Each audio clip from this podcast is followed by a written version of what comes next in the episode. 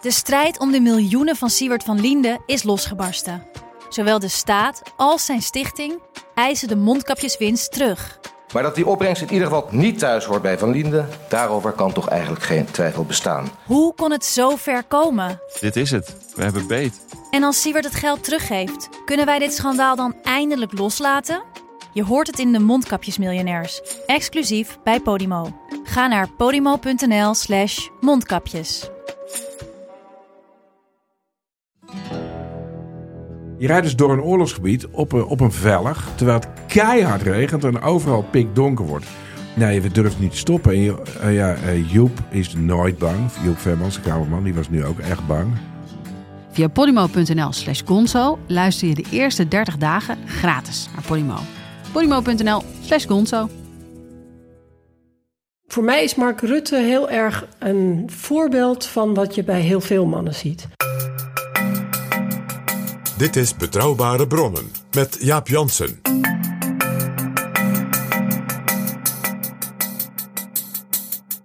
Hallo, welkom in Betrouwbare Bronnen, een wekelijkse podcast met mensen die in de politiek aan de knoppen zitten of hebben gezeten.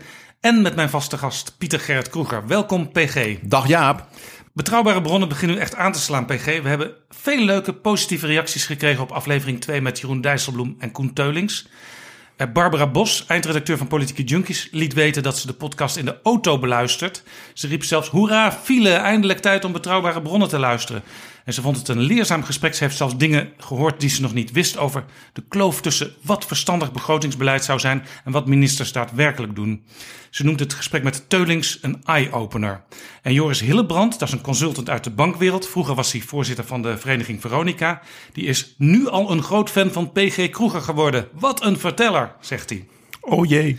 David Bokhorst van het Amsterdam Center for European Studies vond dat we in aflevering 2 een interessante analyse hadden over Manfred Weber.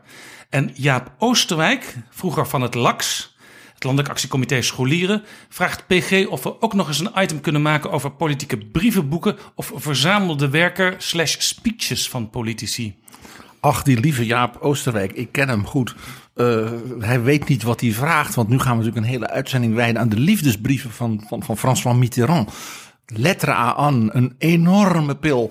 Eh, Farid Tabarki, je weet wel, de trendwatcher, die heeft hem een keer voor mij meegesleurd vanaf Gare du Nord. Hoe, hoe dik is dat boek? Heel dik. Eh, ik, ik geloof 900 bladzijden. Want ja, ze was 19 toen hij verliefd op haar werd en zij op hem. Hij was 40 en tot zijn dood hebben ze echt voortdurend met elkaar brieven geschreven. En Mitterrand, ja, die kon natuurlijk schrijven als weinig anderen. Dat komt dus nog. Stefan de Koning, de nieuwe woordvoerder van D66 in het Europees Parlement, die schreef op Twitter: Nederlanders hebben weinig oog voor geopolitieke belangen. Goede vraag naar de geopolitieke dimensie van de Griekse schuldsanering. Dankjewel, Stefan. En Max van Wezel van Vrij Nederland en Radio 1, die kijkt verlangend uit, zegt hij, naar de volgende analyse van PG Kroeger. Dankjewel, Max. Fijne verdieping, rustige gesprekken. Het enthousiasme van PG is aanstekelijk, zegt Leon Boelens, online woordvoerder van de GroenLinks-fractie. En zo kunnen we nog wel even doorgaan. Ik kreeg al een proefschrift in het vooruitzicht gesteld. En Jurjen van den Berg, bekend van Radio 1 en ook van De Goede Zaak, zegt nu al een primeurmachine over dat nieuws dat Dijsselbloem lid was geworden van En Marche van Emmanuel Macron. En zelfs in Frankrijk en Italië kwam dit nieuws door over Dijsselbloem. Dat kwam daar in de media terecht. Er was een Twitter in Italië van iemand die dus een foto had gedaan van een Italiaan die en drank en vrouwen eh, aan het bepoten. Ja, dat was trouwens Salvini, dat was Salvini de himself. vicepremier. Ja, en daar werd dus gesuggereerd, gaat uh, Dijsselbloem hem nu bijles geven in vrouwen, vrouwen en drank? Nou ja, een hoop kun je verwachten, maar dat was wel het laatste. En dat hadden ze nog onthouden van Dijsselbloem. Heel veel suggesties dus. En tot slot Antje Diertens, lid van de Tweede Kamer, D66, zegt... Deze podcast wordt voor mij vaste prik op mijn wekelijkse reis Groningen-Den Haag. Die duurt ruim twee uur, dus dan kan ik hem mooi beluisteren. De internationale man van het dagelijks bestuur van het CDA, Sebastian Den Bak, die meldde dat hij de trein van 9 over 6 van Amsterdam Centraal s'morgens naar Brussel had voor een vergadering over Orbán.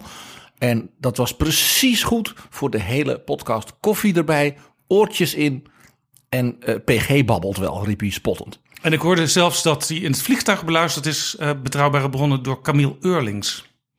Wauw. Dit is Betrouwbare Bronnen, een wekelijkse podcast met betrouwbare bronnen.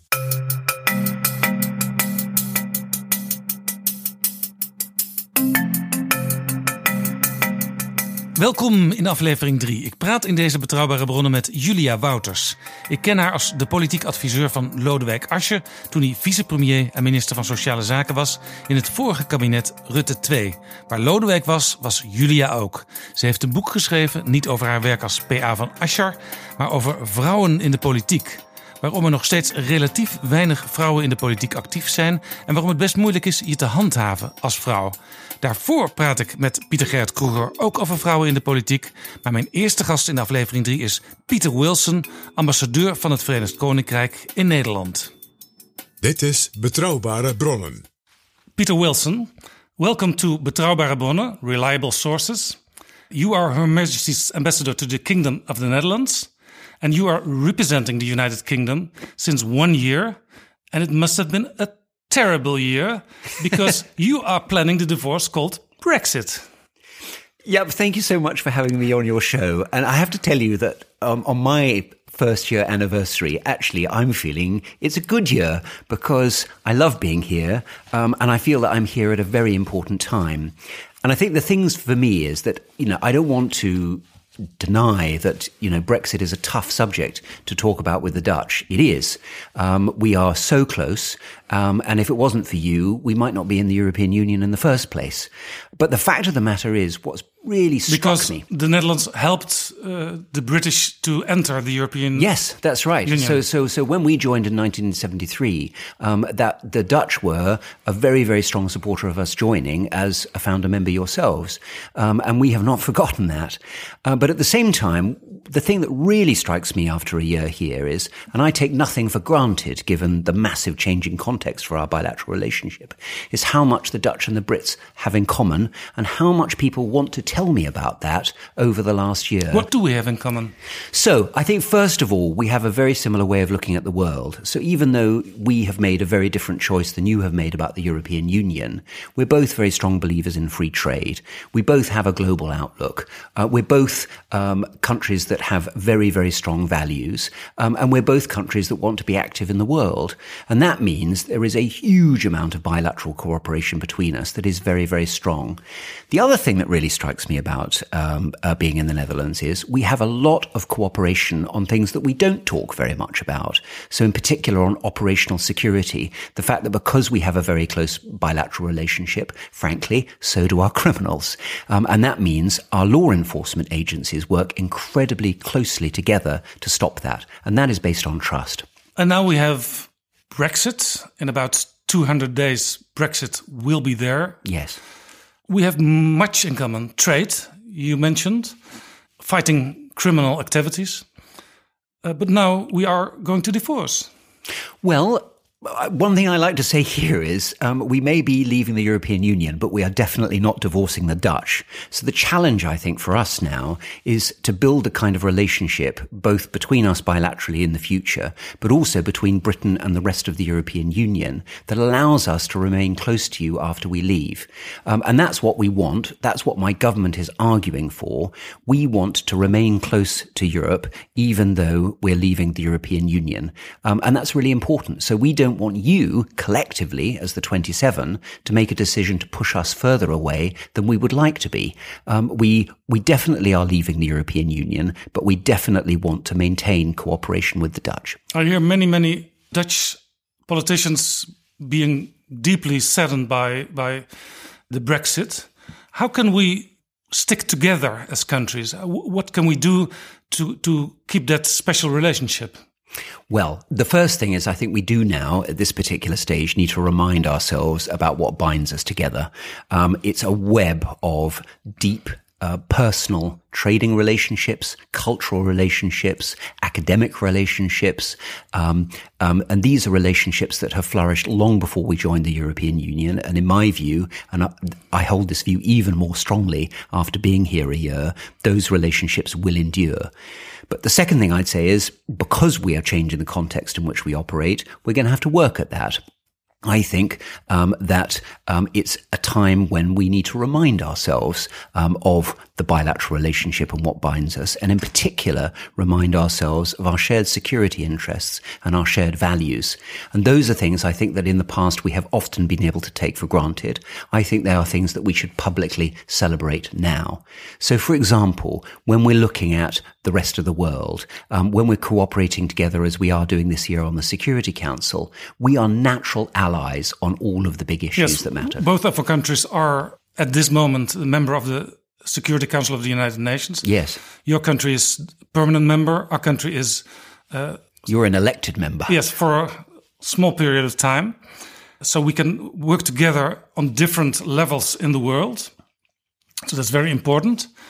Uh, but much of the security things uh, you talk about are within the framework of the European Union nowadays.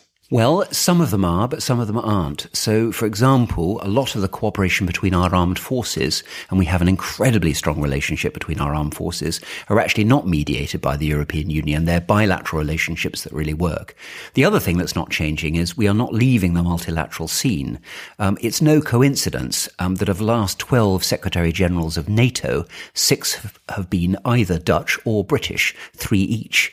Um, those are things that we have very strongly in common. We're both strong transatlanticists. Um, we are both um, natural free traders, um, and we are both countries um, that have experienced in our own ways um, different aspects of um, irresponsible Russian behavior, and that's an area where there has been a huge amount of cooperation between us over the last four Yeah, years. first the transatlantic ties.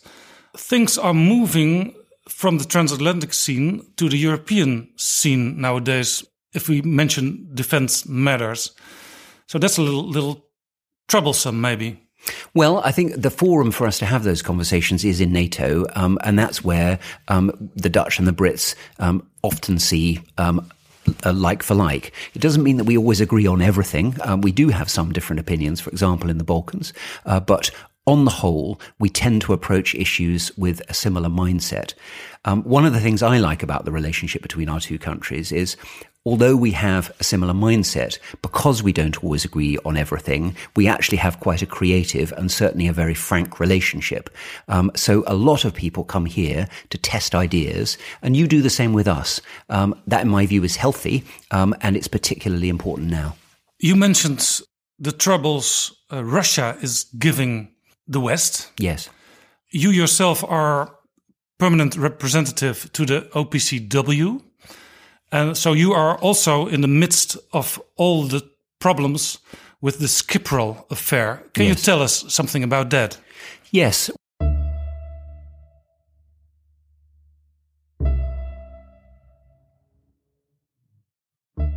Peter Wilson is ook ambassadeur van het Verenigd Koninkrijk bij de Organisatie voor het Verbod op Chemische Wapens. In die organisatie, gevestigd in Den Haag, stad van vrede en recht, staat hij lijnrecht tegenover Rusland in de Skipral-affaire. De Russische oudspion Sergei Skipral en zijn dochter Julia zijn in maart van dit jaar vergiftigd. En volgens de Britten is het bewijs onomstotelijk. De Russen zitten erachter. Well, in the OPCW, we've been seeking to try and bring together the membership to protect a chemical weapons convention that, frankly speaking, is under threat. Uh, we've seen that not only in Salisbury, an attack, the first attack using chemical weapons on European soil since the Second World War, but also repeatedly in Syria, which is now a member of the Chemical Weapons Convention, um, and in Iraq, uh, attacks by ISIL, and in Malaysia, um, where a DPRK national was murdered. So we are seeing across three different continents uh, the Chemical Weapons Convention under threat. So maybe in the last few days, um, your work maybe was more uh, concerning about uh, OPCW matters than uh, relationships between UK and the Netherlands. Well, um, I try to walk and chew gum at the same time, so we pursue all of these things um, at the same time. But I cannot pretend to you that I haven't got a busy job. I do, um, and so the multilateral aspect of it is very important. OPCW, but also the Hague's role as the international capital, international legal capital of the world, um, but also um, the very important bilateral relationship we have and the conversations that our governments have on Brexit. Um, so we do all of that at the same time. I have to say, I did not expect to be in the position as the UK permanent representative of the OPCW, where I'd be having to uh, defend and explain what was happening on my own country's soil as a result of a chemical weapons attack. That I really did not expect. When that happened, the Skiprol affair with the poisoning, Boris Johnson still was uh, foreign minister. And some people thought, well, maybe it's not uh, true as a whole what he's telling us because, well, it's Boris Johnson. But now we know uh, the two persons who did the thing on your soil. Yes, well, I mean, my last foreign secretary and my current foreign secretary have both been very clear and both been completely uh, consistent um, that our approach to this has been extremely careful and forensic and painstaking. And as a result of very, very extensive investigations by our police, we've now been able to identify the two individuals um, who were involved in that attack. And we've been able to um, uh, produce photographs of them, um, explain what their aliases were, um, and issue um, arrest warrants under the European arrest warrant and an Interpol notice. Um, so, as a result of forensic investigation, we've been able to verify um, what we and our allies believed to be the case, which was that this was a Russian state action on UK soil and that this needs to be stopped. Um, it is also, incidentally, um, activity by the GRU, a Russian intelligence agency, um, and that's a kind of activity that is completely unacceptable. What do you expect from the Russians? I expect that when they see the strength of the response by like-minded countries around the world, when they see the extent of the revulsion from the world at the use of chemical weapons in the 21st century, a weapon that we thought was absolutely consigned to history, that they will think again. I really do believe that. And I believe that because we have been, within the last five years, um, we have seen the Russians, the United States, the rest of the Security Council come together in 2013 to say um, Syria must stop using chemical weapons and should be brought into the Chemical Weapons Convention. And these are, in Russian words, the ultimate taboo. I believe that we can restore that taboo, but for that to be the case, allies need to be consistent, they need to be strong, and the signal needs to be constant. Um, and the Russians need to hear that message. I don't see any sign from Moscow that they will expel those two criminals to London? Well, if those two criminals travel um, outside um, um, Russia, um, then they will be subject to European arrest warrants and an Interpol notice, um, and we will be able to, given the evidence that we have, um, to extradite them from countries with whom we have extradition treaties and try them in the UK. Uh, that is um, a very serious problem for those two individuals um, and for any other individuals who might be thinking of trying the same thing. Back to the Brexit. On this moment, we more and more understand the troubles ahead concerning what happens when Brexit really is there. In the UK, there's a debate of having a second referendum. What chance do you think there is that Brexit will be stopped before it happens? Well, I think the British people made a very clear decision in 2016. Um, there was a huge national debate about that. Um, there was a very clear result from that. Um, and I work for a government that is committed to delivering um, on um, the result of the, a referendum which was democratically held. Um, I think it's really important for our partners and allies to understand that that represents a strategic choice for the UK, but also there is now a strategic choice for the 27 in the European Union, which is how close do you want to keep us? Us. And I think and believe that we are all better off together when the, Brit- the British are close to our partners in the European Union. And that is the argument that my government is making. And that I think is the strategic choice that we face. And given the conversation that we've been having, Yap, about some of the global challenges we face, um, I think it is particularly important now um, that we collectively as Europeans do um, uh, remember what binds us together at the same time as recognizing that there are some differences between us and allowing flexibility for how we pursue those mutual trade interests. So, nevertheless, you still call yourself European also after Brexit? Absolutely. Um, and I have no problem in doing that. Um, I mean, we are a European country. We're just a country that has chosen to no longer be a member of the EU. Um, and uh, that is a particular British choice. We're not recommending that choice to other countries, um, but it is a choice that we have made. And I think it's a choice that our, we hope that our partners in Europe will respect, but also that we will work pragmatically so that we build a very strong functioning relationship between us, uh, not just for our mutual prosperity, but also for our mutual security. Do you feel you have enough help from the Dutch government, for example, from our Prime Minister Mark Rutte, from uh, Stef Blok, from Sigrid Kaag? Well, I think one thing I would say about the relationship that we have with the Dutch is that you're always very frank with us. So you tell us when you don't agree with us as well as when you do. I think that is actually basically healthy. Um, I also think and respect the Dutch are part of the 27, um, and you are very clear with us about that. Um, but at the same time, I and my colleagues around our um, European network are all seeking to shift um, the position amongst the 27 to bring us uh, to a position where we can build a close and flexible relationship that allows us to have a strategic view of the future as opposed to um, a minimalist view of the future, which does not allow us to be as close as we would like to be. So the Dutch really are a friend for for you for the UK.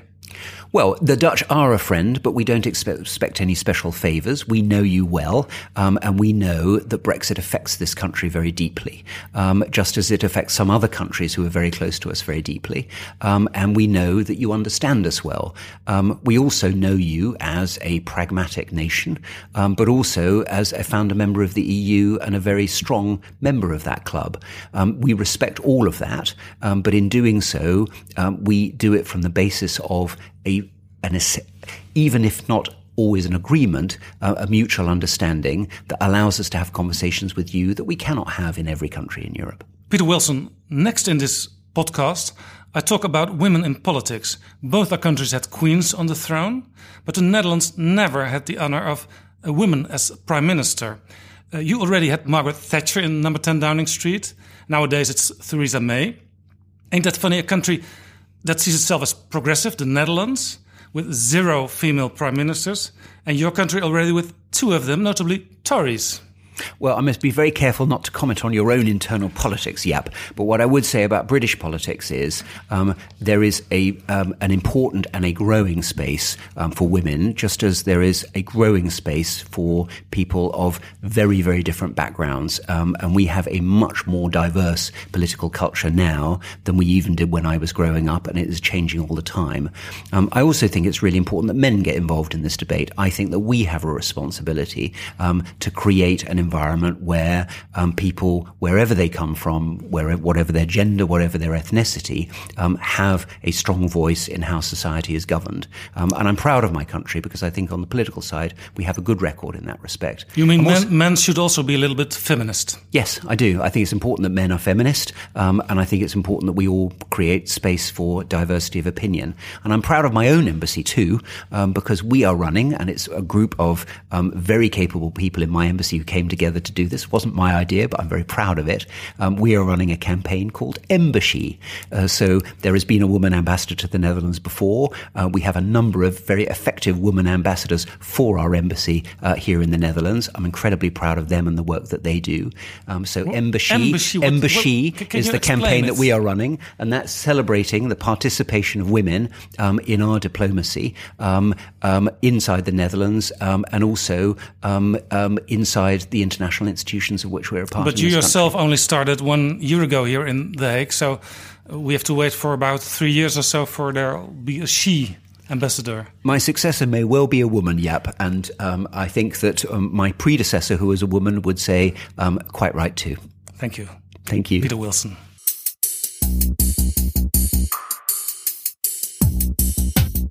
Jaap Jansen en Pieter Gerrit Kroeger duiken in de politieke geschiedenis. Nogmaals welkom PG. We hebben het in deze aflevering over Brexit gehad met de Britse ambassadeur. We hebben het straks uitgebreid met Julia Wouters over vrouwen in de politiek. En met jou wil ik het eigenlijk ook over dat laatste onderwerp hebben.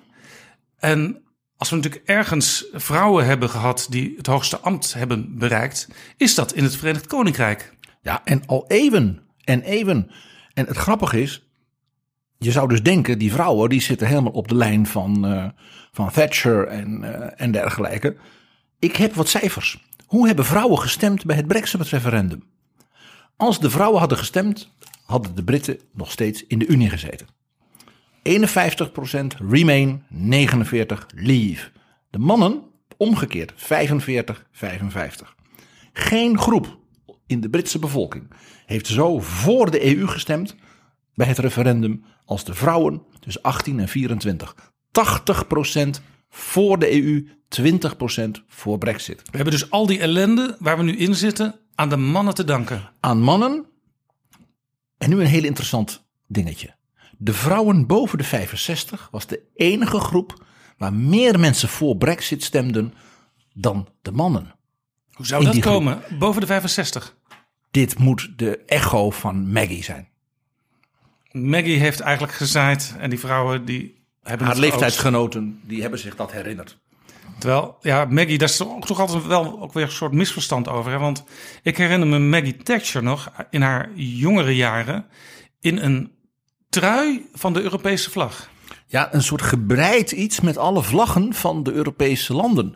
Dus op haar eh, boezem zag je dan zeg maar, de Nederlandse driekleur en, de, en, de, en, en die, die, die prachtige vlag van België. En op, op haar buik zag je dan de Italianen. Het was een hele aparte foto waar ze niet graag aan herinnerd werd later. En de interne markt, dus het samenwerken en het handelen, dat is ook mede haar idee geweest. Heel interessant. Thatcher was aan de ene kant zeer stoer en natuurlijk een pure Britse patriot. Maar als conservative was zij dus heel erg voor de uitbreiding van de Europese Unie. Hoe meer, zeker ook communistische landen, er mee konden doen en die dan de zegeningen van de vrije markt zouden krijgen, hoe beter dat natuurlijk was. Dus zij was heel erg voor weghalen van de grenzen van de economie. Want zij dacht dat is ook goed voor het Britse bedrijfsleven. En natuurlijk voor Londen als financiële plaats. Wat dat betreft was ze visionair. Daar zat zij- ook wel een cynisch eh, kantje aan overigens hoor. Want hoe groter de EU zou worden, hoe meer het zou verwateren in politieke zin. Want zij dacht, dat kan nooit een politieke eenheid worden. Nee, zij was overigens net als veel Nederlanders eh, ervoor om allerlei landen erbij te halen. De Scandinaviërs en natuurlijk eh, eh, Spanje en Portugal. Zeker Portugal, natuurlijk de oudste bondgenoot van Engeland in de geschiedenis. Waarom? Omdat dat de Duits-Franse as homeopathisch zou verdunnen.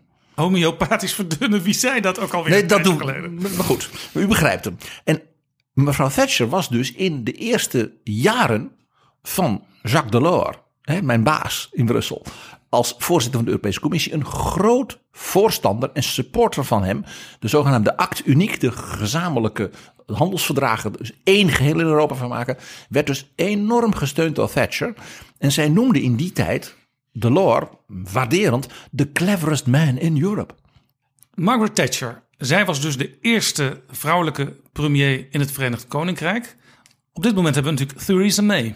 Ja, en je ziet hoe afschuwelijk dat is voor Theresa May. Eh, zij kan natuurlijk qua, zeg maar, zo'n soort epische uitstraling natuurlijk niet op tegen mevrouw Thatcher. Eh, zoals Bush senior eh, natuurlijk ook als opvolger van Reagan natuurlijk nooit Reagan kon overtreffen. Of Harry Truman, eh, Franklin Delano Roosevelt. Dus zo'n opvolger zijn is altijd een wat treurig lot. Theresa May is wel een interessante vrouw. Als ik je nou vertel wat zij allemaal gemeen heeft met Angela Merkel. Ja, want dat is natuurlijk ook een, een dingetje waar we even naar moeten kijken. Als het gaat over vrouwen in de politiek en vrouwen als eerste minister. Wat voor kenmerken hebben die? En zijn er misschien ook kenmerken die ze allemaal een beetje hebben? Nou, eh, één voorbeeld. Ze zijn bijna nooit links. Inderdaad. Hoezo emancipatie, feminisme, progressief? Theresa May, May, allebei conservatieve partij. Merkel, van de CDU, de katholieke mannenpartij van West-Duitsland. En wat krijgen ze? Als misschien wel de, een van de meest epische kanseliers in de geschiedenis. Een protestante, gescheiden vrouw uit de DDR. Geboren in Hamburg. Heel Nou, opmerkelijk. ja. Theresa May is net als Merkel de dochter van een dominee. Een zeer gelovige vrouw. Net als Merkel geen kinderen. eh, zeer, zeer ijverig. eh, geen charismatische spreker. eh, koppig. echt een overlevingskunstenaar. Want je zal toch, net als Merkel, die omgeving van wat de Engelsen zo mooi noemen de men in grey suits hebben. Dus die overlevingskracht Dat heeft uh, May ook. En verder is ja, haar tragiek is dus het feit dat Thatcher ja, een soort stempel heeft gedrukt op vrouwelijk leiderschap. Eigenlijk moet iedereen in die mal stappen. Om, maar dat is tegelijkertijd ook weer de valkuil. Want dan kun je het eigenlijk nooit beter doen dan die icoon die al geweest is. Nou ja, en mevrouw Thatcher, grappig genoeg, had dus ook dingen heel opvallend, als je nu kijkt, gemeen met mevrouw Merkel. Alle twee zeer begaafde beta-studenten, met name ook in de chemie, uh, die dus echt uit een gezin kwamen waar uh, ja, het doorstuderen uh, niet vanzelfsprekend was. Mevrouw Merkel, omdat ze natuurlijk als domineesdochter uit West-Duitsland in de DDR eigenlijk niet mocht studeren. Dat was natuurlijk voorbehouden niet voor klassevijanden, maar voor arbeiders- en boerenkinderen. maar er waren tekorten in de beta en als je dus bereid was dat te studeren, dan mocht het toch. Mevrouw Thatcher was natuurlijk de dochter van een, een winkelier. Een self-made vrouw. Opgeklommen, echt een social mobility uh, icoon. Helemaal geen traditionele Tory, conservatief van het platteland. Ja, met, nee, met, met een stukje landerijen en zo. Voor hetzelfde geld had ze natuurlijk ook uh, achter de toonbank kunnen gaan staan in die winkel. Zoals haar zus. En, en echt MKB-gezin, heel vroom, methodisten, dus niet protestanten van de Church of England, van de koningin, maar van de meer Schotse, bevindelijke, zeg maar tegen, tegen de, nou ja, SGP aan. Zeer ijverig dus, hard studeren, sober, uh, alles doen voor, uh, ja, voor, voor, voor uh, de toekomst, voor je kinderen. de enige keer dat mevrouw Thatcher in een interview op de televisie in tranen uitbarsten was toen ze vertelde hoe haar vader als burgemeester werd afgezet door de oude hap van de Tory-partij, want hij was maar een winkelier. En toen, toen, toen barstte ze in tranen uit, want ze had heel erg, haar vader heel erg ja, bemind. En had hem dus bewonderd hoe hij zich had opgewerkt. En was dat ook een soort wraak bij haar? Haar, haar vader was iets aangedaan. En zij zou laten zien dat je met die achtergrond wel degelijk het allerhoogste kon bereiken. Het is niet voor niks dat zij dus die oude hap in de partij altijd de wets noemde. Overigens, wat je nu vertelt, hè? Theresa May en Angela Merkel geen kinderen. Thatcher wel, maar die kinderen die zijn een beetje naar de achtergrond uh, verdwenen. Mark Rutte heeft ook geen kinderen. Die kan dus ook al zijn tijd besteden aan het premierschap. Vroeger had je natuurlijk altijd mannen in Nederland als premier... die een, een vrouw achter zich hadden. Denk maar aan Eugenie van Acht. Denk maar aan uh, mevrouw Balken en de noem ze allemaal maar op. Is dat bijna een, een, een voorwaarde nog steeds, een, eigenlijk een ongeëmancipeerde voorwaarde om premier te kunnen worden? Dat je of geen kinderen hebt of een uh, liefhebbende echtgenoot achter je? Ja, dat is, uh, laat ik zeggen, in, in landen waar zeg maar, het gezin op een voetstuk staat, is dat zeker het geval. Maar bijvoorbeeld, ik, wat ik zelf altijd een prachtig voorbeeld vind van een vrouw uh, ja, in de toppen van de wereldpolitiek, is natuurlijk Indira Gandhi. India. Wij weten helemaal niet wie die man was. Nee. En die had, ze had allemaal zonen die haar allemaal ook opvolgen. Dus nu, moet ze, heeft nu, zijn. ze heeft nu een kleinzoon, Rahul Gandhi, dus de, die het overneemt van haar schoondochter Sonja Gandhi. En, en de, je hoort het al, een dynastie. De familie Gandhi, zij heette Gandhi naar haar man. Die overigens helemaal geen familie was van de grote, uh, ja. de grote bevrijder. Zij was de dochter van Nehru, de eerste premier van India. Dit is een pure dynastiek iets. Dus dat doet vooral denken aan de Mogul-dynastie en aan koningin Victoria. En daar voelen de Indiërs zich blijkbaar al eeuwen stiekem senang bij. En misschien een heel klein beetje in de moderne tijd aan Bill en Hillary Clinton. Die dat hoopten misschien. PG, die vrouwen die hebben dus dingen gemeen. Een van die dingen is dus opvallend niet links, progressief, feministisch. Het zijn blijkbaar conservatieve of dynastieke partijen uh, ja, die zo'n vrouw op de troon krijgen. En ten tweede, het zijn stoere dames over het algemeen. Uh, en pragmatisch. Dus in hun stoerheid tegelijkertijd altijd wel begrijpen. Misschien wel bijna machiavellistisch. Waar moet ik heen? Waar moet ik oppassen? He, mevrouw Thatcher, die op haar partijcongres zei: You may turn if you like. The ladies not for turning. Staande ovatie, 10 minuten. Maar vervolgens ging ze Delors gewoon steunen bij de interne markt. En ik herinner me van Thatcher ook. Ze zat op een tank met een hoofddoekje om. Alleen mevrouw Thatcher kon. She could pull that off. Die combinatie van dus huisvrouwelijkheid en wereldleider. En ze heeft natuurlijk ook een een oorlog gestart en toen won ze helemaal de verkiezingen. Een van de interessante dingen van mevrouw Thatcher was dat zij meer wellicht dan May of Merkel een combi kon doen van zeg maar, kleurrijk en feminien. Eh, mevrouw, mevrouw Merkel is natuurlijk zeer sober, zeer Calvinistisch, zeer beta hè, en, en ingetogen. Als je haar dus spreekt, zeg maar zo, is buitengewoon charmant. En ze schijnt een geweldige imitator te zijn van andere wereldleiders. Haar Nicolas Sarkozy schijnt niet van echt te onderscheiden te zijn en ook die Poetin niet. Maar dit terzijde, dat feminine van Thatcher. In de film met eh, eh, eh, Meryl Streep, de Iron Lady, die speelt dan, eh, die, in die film speelt Meryl Streep Margaret Thatcher. De prachtigste scène is dat ze dan geleerd wordt eh, haar stem wat te modereren. En, hoe, en dat ze dan dat kledingadvies krijgt. Het, het idee was, als u lager gaat praten, dan komt uw gezaghebbende over, mevrouw Thatcher. Dat deed ze dus ook. En toen kreeg ze ook kledingadviezen. En dat was die hoeden en met een veer en zo. Die, dat kon niet. Ze, moest, ze had prachtig haar, dus ze moesten gekapt. En dat moest allemaal perfect zijn. En die parelkettingen, dat kon echt niet. En ze zei, maar die hoeden, die krijg ik van mijn man. Nee, nee, nee, nee, nee. En dan, dan gaat ze uiteindelijk door de knieën. En dan op die... Dat doet Meryl Streep echt subliem. Dat ze, but the pearls stay.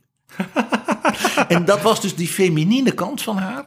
Ze vond ook dat ze best kon laten zien dat ze dus een self-made vrouw was. Dat ze die parels van haar man had verdiend. Ik ken heel veel feministes uit de tijd dat eh, Thatcher prime minister was, die haar komst eigenlijk als een soort eh, misvatting van de geschiedenis zagen. Hè? En de feministen in Nederland die herkenden zich totaal niet in Margaret Thatcher. En daar, daar hadden ze natuurlijk ook alle reden toe. Mevrouw Thatcher was, eh, ja, ze was natuurlijk omgeven door mannen, hè, men in grey suits in haar partij, maar ook mannen op het wereldtoneel. Eh, de, de beroemdste, toch wat spannende verhouding was natuurlijk met François Mitterrand. We hadden het al even over hem. Ik bedoel, als je veertig jaar lang liefdesbrieven schrijft aan een, beginnend aan een tiener. Ja, Mitterrand had ook waardering voor Maggie. Zeer. Uh, uh, beroemd verhaal. Uh, hun eerste overleg was natuurlijk uitgebreid voorbereid, want ze was net premier en hij was net president, 81. Dus de ambtenaren dachten, oh, oh, oh, oh, oh, een president, socialistische president, die met communisten regeert. Dus die gaat de volle laag krijgen van Maggie. Uh, tegen ja. het socialisme en tegen dat Frankrijk failliet dat gaat. ze überhaupt met hem wilde praten op dat, ja, dat moment. Dat was, dat was de honderdjarige oorlog begon opnieuw en Jeanne d'Arc uh, hè, zou, maar dan was dan Thatcher's Jeanne d'Arc, zou ik maar zeggen. En dat gesprek, dat was een en al vriendelijkheid. Dus een dronk een prachtig glas witte wijn met hem. En de, de, de lastige punten werden aangestipt. En met een glimlach. En in het vliegtuig terug zei een ambtenaar tegen mevrouw Thatcher. That went quite well, prime minister. Met zo'n blik van, wat hebben wij meegemaakt? En toen heeft ze de onsterfelijke woorden gesproken. Ah, but you know, he likes women. Dus met andere woorden, ze kon ook misbruik maken van zo'n relatie. Dus ze vond het leuk om met een andere wereldleider te praten, die dus gevoel had voor wie zij was. Want zij vond dat feminine, daar was ze trots op. En François Mitterrand, die zei ook iets over ja. haar. Nou, dat hebben we te danken, te danken aan Jacques Attali. Dat was de man die zeg maar de, de voorkamer van zijn bureau deed. Ja, zeg maar de, de assistent, de politieke assistent, zullen we ja. maar zeggen, van, ja. van François Mitterrand. Die heeft hele dikke uh, dagboeken uitgegeven. Heel interessant. Ja, met, waarvan niemand kan controleren of het echt waar is dat Mitterrand het allemaal gezegd heeft. Maar het is niet anders, want er zijn geen bandjes. Uh, Mitterrand zou gezegd hebben over Thatcher... En ik doe het nu in het, in het, in het Engels, want in het Engels is hij over. Wat dan? She, has, she has the eyes of Caligula and the mouth of Marilyn Monroe. en Caligula was natuurlijk die Romeinse keizer die na vier jaar al werd vermoord. Die, uh, laat ik zeggen, zo bloeddorstig was dat hij de geschiedenis inging. En er beroemd toneelstuk in het Frans is. Ik geloof van Albert Camus, Caligule. En dat kende natuurlijk Mitterrand uit zijn hoofd. En tegelijk Marilyn Monroe, de icoon van onder andere JFK. En Some Like It Hot. Nou, uh, wie ook een bijzondere band had met uh, mevrouw Thatcher was Ruud Lubbers. Uh, Thatcher hield van slimme, charmante, goed uitziende mannen wat jonger dan zij om zich heen, ook onder haar ministers. En Ruud Luppers werd in die tijd ook Ruud Shock genoemd. Ruud omdat Schock. hij in Nederland een enorm bezuinigingsbeleid Ja. doorvoerde. En iedereen was jaloers van hoe, kan, hoe slaagt hij erin om zulke zware bezuinigingen op te leggen. En de mensen slikken het uiteindelijk nog ook en belonen hem met een verkiezingsoverwinning. Eh, hij heeft een keer een presentatie gedaan eh, van zeg maar, zijn kabinetsbeleid. En legde toen uit dat hij eh, dus eh, alle ambtenaren salarissen en alle uitkeringen behalve de AOW eh, met 3% verlaagde. En dat de leraren door Wim Deetman met 4,5% werden verlaagd. En toen heeft mevrouw Thatcher gezegd: Oh, but Ruud, this is terrible. You are going to ruin my reputation as the Iron Lady. Geweldig, geweldig. Wat was het geheim natuurlijk van mevrouw Thatcher? Dat was dus die combinatie van stoerheid, pragmatisme en dat feminine. En daarom, haar voorbeeld was dus niet koningin Victoria. Haar voorbeeld was dus niet koningin Elisabeth II. Haar voorbeeld was natuurlijk koningin Elisabeth I. Dus, Waarom? Ja, dat is ook een vrouw die de, de, de eeuwen natuurlijk doorstaat qua reputatie. Als er nu nog films over je worden gemaakt met Kate Blanchett. Ik bedoel, dan ben je toch iemand. En ja, die was feminien. Zeer dominant. Zeer begaafd. Die enorme jurken waar ze beroemd om was. La- show off. Maar ik herinner herinner me Thatcher toch vooral in haar eh, blauwe jurkje in het lagerhuis. Ja, in het lagerhuis. Thatcher, als zij optrad op partijcongressen en zo, dan was ze altijd in een soort, soort ja, als ze dan op bij Gorbachev op bezoek kwam, dan had ze een enorme bondmuts, speciaal voor haar gemaakt door een, een hippe eh, ontwerper. Nee, ze, op het wereldtoneel speelde zij Elisabeth I. En ja, de Falklandoorlog, de Golfoorlog, dat waren natuurlijk haar armada. Eh, elke Brit begreep dat die boten die dan uitgingen en dan won ze ook nog. Ja, Dus, dus haar kameraad Ronald Reagan eh, was een acteur, werd politicus. Zij was politicus, maar werd ook een beetje actrice. Absoluut. En het beroemde verhaal is dat ze een keer heel, heel, heel boos was. Want ze hadden een van een eilandje in de, in de, in de Caribische Zee. Hadden de Amerikanen mm, ingenomen omdat de communisten daar de macht dreigden te grijpen. En ze hadden vergeten dat de koningin Elisabeth de staatshoofd van dat eilandje was. Zullen we, zullen we even naar de polder gaan? Hoe komt het dat we in Nederland nog nooit een vrouw als premier hebben gehad? Komt niet omdat er in Nederland geen vrouwen in de politiek actief zijn geweest. Of nu ook zijn. Dit het niet zouden kunnen, voor alle duidelijkheid. Want die zijn er wel degelijk geweest. En die zijn er nu op dit moment ook. Absoluut. Dit heeft te maken met een, ja, een stukje van onze geschiedenis en onze cultuur. We beginnen met de cultuur.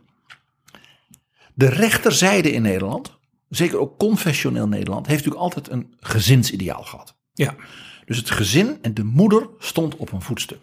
Dus de vrouw werd vooral geprojecteerd thuis in de keuken aan de thee om vier uur 's middags om de kinderen te verwelkomen. De opvoeding, dus die, die, die typisch Nederlandse dingen van soberheid en dergelijke, dat kwam door de moeder. Dus lief en streng. De werkende vrouw werd dus als iets bedreigends gezien. Sterker nog, vroeger, eh, mijn moeder is van de generatie dat je stopte met werken als je trouwde. Er waren nog niet eens kinderen, maar je stopte met werken. Absoluut. Het was zelfs zo dat in het onderwijs, als een vrouw trouwde, dat ze dus heel lang gewoon weg moesten. Ja. Dus, dus kreeg je onderwijzeressen en dergelijke. Dat waren dus ongetrouwde dames. Heel interessant. Nou, die, die mochten dan werken, om maar zo te zeggen. Aan de linkerkant zou je zeggen, nou, maar die waren progressief en dergelijke. Mooi niet. Ja, natuurlijk wel. Maar de vakbonden met name waren ook van het gezinsideaal. Want die zeiden, de werkende vrouw, die moet ploeteren. En, en, en, ja, en schoonmaken en in de fabriek en, en op het land. Kan dus niet voor haar kinderen zorgen. Dus die kinderen groeien op voor galg en rat. Eh, dat is dus de proletarische jeugd. Zal dus daardoor altijd arm en slecht geschoold en dat soort dingen blijven. De, de, de, de, de kostwinner, de vader dus, die moet voldoende verdienen. Als een arbeider die zijn loon waardig is, zoals de Bijbel dat zegt. Om dat gezin en die moeder en die kinderen te onderhouden. En ook de progressieve partijen, hè, het kabinet en Uil bijvoorbeeld, had maar één eh, minister, Irene Vorink. Eén, tussen al die toen nog heel erg grijze mannen, ze hadden zelfs nog driedelige pakken op de, de, de, de debuutfoto. Dat was eigenlijk een heel raar gezicht. Terwijl kabinet en Uil, jaren 70, is nog niet eens zo heel lang geleden. Nee, het interessante is dus dat uh, daarbij kwam, toen kreeg je ook nog de machtsgreep van Nieuw Links. Binnen de Partij van de Arbeid en andere partijen. Wat mij altijd als studentje in die tijd opviel, was wat een macho's dat waren. Nu, hè, met, die, met die baarden en eh, zo. André van der Lauw met zijn snor. Ja. Jan Nagel, die natuurlijk toen ook al de organisator was. Dat waren eh, jongens en mannen die aan cafétafels de boel bepaalden. Hun eh, benchmarks van hip, jong en wat dan dit... waren natuurlijk Rudy Dutschke en Mick Jagger. Nou, ergere macho's zijn er ongeveer niet geweest. I can get no satisfaction. Exact. Nou, er is nog een tweede politiek historisch element. Nederland had toen de democratie echt begon te komen, dus een massademocratie begon te worden, in 1890 een regentes, koningin Emma. En daarna Wilhelmina, 50 jaar lang, Juliana, Beatrix, tot zeer recent. Dus wij hadden eigenlijk al een beetje het idee dat we geregeerd werden door een vrouw. Wij hadden een vrouw op de troon. Eh, nou, God, Nederland en Oranje. Eh, dus dat was een soort focus van de natie.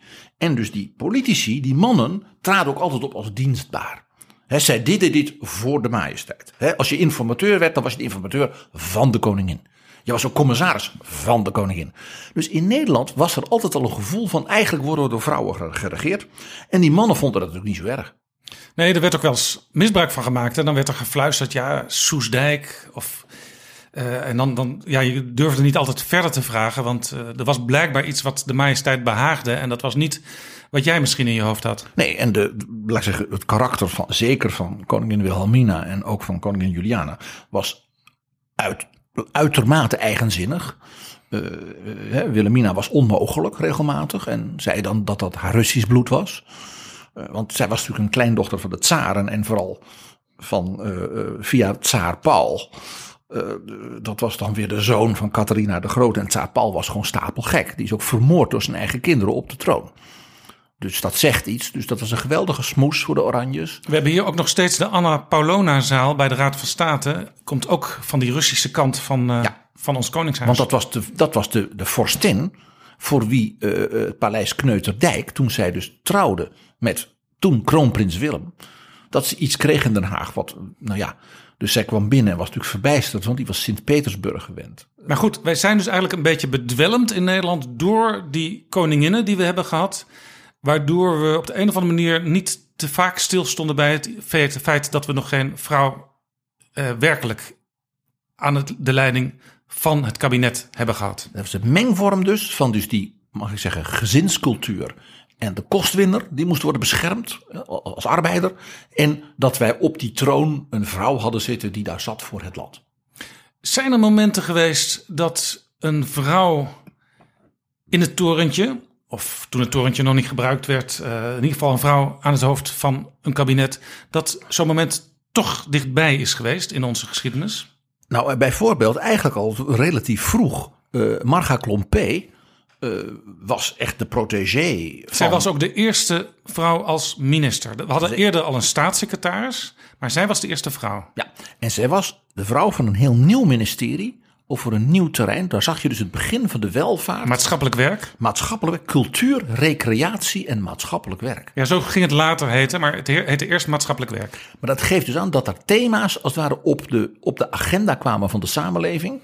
Van sociale zorg, van, van, van eh, eh, dat mensen naast hun werk andere dingen gaan doen, recreëren. Dat moest natuurlijk opvoedend zijn, dat moest natuurlijk volksverheffend zijn. God ook voor de cultuur. Dus zij werd de eigenaresse zeg maar, van het thema van de nieuwe onderwerpen van de samenleving. Heeft ook de bijstandswet geïntroduceerd. Heel belangrijk natuurlijk. En, en, en heel veel jeugdzorgdingen. Nou, daarbij werd ze enorm gesteund door koningin Juliana, die natuurlijk diep in haar hart sociaal werker had willen worden, hè, zoals ze zei. Maar zij, we- zij werd dus minister van Maatschappelijk Werk en niet premier. Nee, dat was dus Drees in die tijd. Eh, maar haar grote beschermheer was Karel Romme, de baas van de Katholieke Volkspartij, de grootste van het land. En die heeft serieus haar altijd als het ware op het, in het rijtje gehad van potentiële premiers. En dat is opmerkelijk. Eh Marga Klompé was ook zo'n voorbeeld van zo'n ongetrouwde dame. Die dus carrière kon maken. Die bovendien heel bevriend was met koningin Juliana. En zeer bevriend met het episcopaat. Dus de bisschoppen en met het Vaticaan. Maar je vertelde dat, eh, die, dat die gezinstraditie in Nederland, zeker bij de Katholieke Volkspartij, die verhinderde eigenlijk dat vrouwen voor het hoogste ambt eh, werden ge- ge- ge- geprojecteerd. En dat ga ik je, nu ga ik je corrigeren. En- en toch want het waren, dus, het waren niet de katholieken dus. Het waren vooral de protestanten Ah. die dat gezinsideaal met moeder thuis... eh, eh, ook aan alle literatuur van die tijd... eh, denk ook aan de boeken van een Wolkers en een Maarten het Hart... Hoe die, uit die diep gereformeerde Calvinistische wereld, hoe die over hun moeder schrijven. Ja, nou, ik, ik vroeg het omdat ik ben zelf cultuurkatholiek. Ik kom uit het zuiden en daar waren de vrouwen toch ook vaak gewoon thuis aan het werk en niet op kantoor of in de fabriek. Dat was sowieso in Nederland. Dat was alleen dus in het proletarische deel. En daar wilde men dus die, dat die vrouwen dus als het ware verlost werden van hè, de, de druk van de arbeid, zodat ze zich konden wijden aan het gezin. Maar toch zeg je, Karl Romme, de leider van de katholieken, die had eh Marga Clampé in zijn hoofd zitten als mogelijk premier. En ik hoorde ook dat ze voor buitenlandse zaken geschikt was volgens Romme. Maar waarom is zij dan toch daar niet neergezet?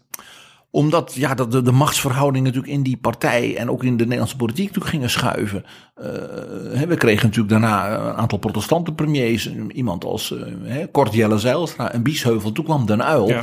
En ja, toen werd het CDA gevormd. En we hadden natuurlijk ook lunch altijd op buitenlandse zaken in die Ja. periode. Ja, en die maakte zichzelf op een merkwaardige manier onvermijdelijk. Ehm Marga Klompé was dus iemand die in de buurt van het premierschap is gekomen. Zijn er nog meer eh, vrouwen geweest in de Nederlandse geschiedenis? Eh, Nelly Kroes. Eh, kijk, die had natuurlijk, eh, laat zeggen, het cv klopte helemaal. Maar ja, de VVD ging natuurlijk helemaal de mist in met Gerrit Salm en Josias van Aartsen. En toen kreeg je dus die, die, die, die, die verkiezing tussen Rutte en Verdonk. Eigenlijk was natuurlijk dat het moment geweest. Ja, want de VVD heeft natuurlijk nooit een premier geleverd tot Mark Rutte het werd. Nou ja, de VVD niet, de liberalen, dus ergens nog Ja, begin van de 20e eeuw. 100 jaar geleden. Ja. En de VVD heeft dus ook nooit een vrouw aan de top gehad. Nelly had dat dus heel goed gekund. Maar die zat net. Nou ja, de timing, zowel wat betreft haar leeftijd als, als haar loopbaan, was net verkeerd. Terwijl wil- leeftijd, ze is eh, in die tijd dat het gekund had, ook nog Europees commissaris geworden. Dus met die leeftijd was eigenlijk niks aan de hand. Het was dus net niet het goede moment. Dus de jongere Rutte kon komen. Die had dus toch gewoon meer decennia nog, om maar zo te zeggen. Eh, en in het CDA, vergeet niet dat de nummer twee van het CDA meerdere keren was Maria van der Hoeven. We moeten even in ons geheugen graven. Maria van der Hoeven, wie was dat ook alweer? Oh ja, dat was de minister van Onderwijs. Ja, Maria van der Hoeven was minister van Onderwijs eh, onder eh Balkenende. Uit Limburg kwam ze. uit Limburg. Haar ambitie was niet gering. Eh, zij was ook wel altijd erg in voor het Kamervoorzitterschap. Want die representatieve kant, daar was ze ook heel erg goed in. Bovendien, ze sprak haar talen werkelijk schitterend. Want ze was lerares en Frans en Engels geweest in het voortgezet onderwijs. Dus eh, Maria een speech horen houden in Europa. Ik heb dat eh, door mijn onderwijsachtergrond meerdere keren gezien. Dat deed ze fantastisch. Het plaatje was bij Maria altijd perfect. Ze had het dus kunnen worden, maar Balkenende zat er. De Hoop Scheffer zat er om te beginnen. En die had natuurlijk, als het ging om internationale achtergrond, als diplomaat en dergelijke, nog meer in huis. En ja, mm, eh, eh, de Hoop Scheffer viel, Balkenende kwam. En Maria werd wel minister, maar geen minister-president. En minister van Economische Zaken is ze geworden. Oh ja. En daarna heeft ze, dat is eh, maar typisch Nederland, dan letten wij niet op. Ze werd daarna dus de chefin van het hele, ze hebben de hele Europese coördinatie op het gebied van energie, energieproductie en dergelijke. Dat is een ongelooflijk belangrijke functie voor bijvoorbeeld een land met nogal wat gas. Waar, waar deed ze dat? In Parijs. Oh ja, het Europese Energieagentschap. Een topfunctie. Kijken we eventjes naar eh, het politieke landschap nu. Wie is er in potentie de eerste vrouwelijke premier die wij over enige tijd gaan verwelkomen in Nederland? Eh, ik ga een paar namen noemen, maar ik begin eerst even gewoon. Ik breek even in om mijn boosheid te verkondigen over het feit dat Ankie Broekers eh, door de VVD, omdat ze te oud zou zijn of zoiets, nu niet meer wordt, hè, dus als wordt afgevoerd van Ja, de Eerste Ankie Kamer. Broekers maakte afgelopen week bekend, voorzitter van de Eerste Kamer, dat zij zich niet meer opnieuw kandideert voor de Eerste Kamer voor de VVD. Want, zegt ze, mijn partij die heeft mij al een keer dispensatie verleend. Maar bij ons is het zo, als je twaalf jaar lid bent van een volksvertegenwoordiging, dan moet je opkrassen. En ik ben dankbaar dat ze mij die dispensatie hebben gegeven. En ik leg me er nu bij neer dat ik niet terug mag komen. Dat is heel raar, want bijna iedereen die in Nederland de politiek volgt, die kijkt met veel genoegen en veel waardering naar het voorzitterschap van Ankie Broekers. Ik zeg altijd, als Nederland weer een republiek zou worden, en ik, ik ben daar stiekem een beetje voor, dan zou zij mijn kandidaat-president zijn. Die vrouw zou zonder enig probleem de premier van Nederland hebben kunnen zijn. Waarvan akte? Waarvan akte. Maar nu, zeg maar, de komende generaties. Ik heb een paar tips. Op wie moeten we letten? Om te beginnen op Anke Bijleveld. De minister van Defensie, voormalig commissaris van de Koningin en voormalig Tweede Kamerlid voor het CDA. Anke Bijleveld was commissaris des Konings. Ja, ik, een zeg, baan- nog- ik zeg nog altijd koningin. Ja, dat ik, is schrijf, mooi. het- ik schrijf het zelfs in, in brieven en zo. En dan heb ik ze verstuurd en dan denk ik... oh ja, nee, het is tegenwoordig van de koning. Zij was ook voorzitter van het eh, comité dat zou vieren dat Nederland 200 jaar monarchie had en de grondwet eh, 2013-2015. Nou, dan denk je dat is een zo schitterend fin de carrière. Ja, en je kan nog makkelijk twee keer worden herbenoemd. En wat doet ze? Zij verlaat Zwolle Om en naar wordt gaan. minister van Defensie. Dat doet ze natuurlijk uit opoffering voor de partij. Ik moet meteen ook weer aan Margaret Thatcher op die tank denken. Helemaal. En dat doet ze op een moment dat dus heel Europa zegt er moet veel meer geld naar defensie.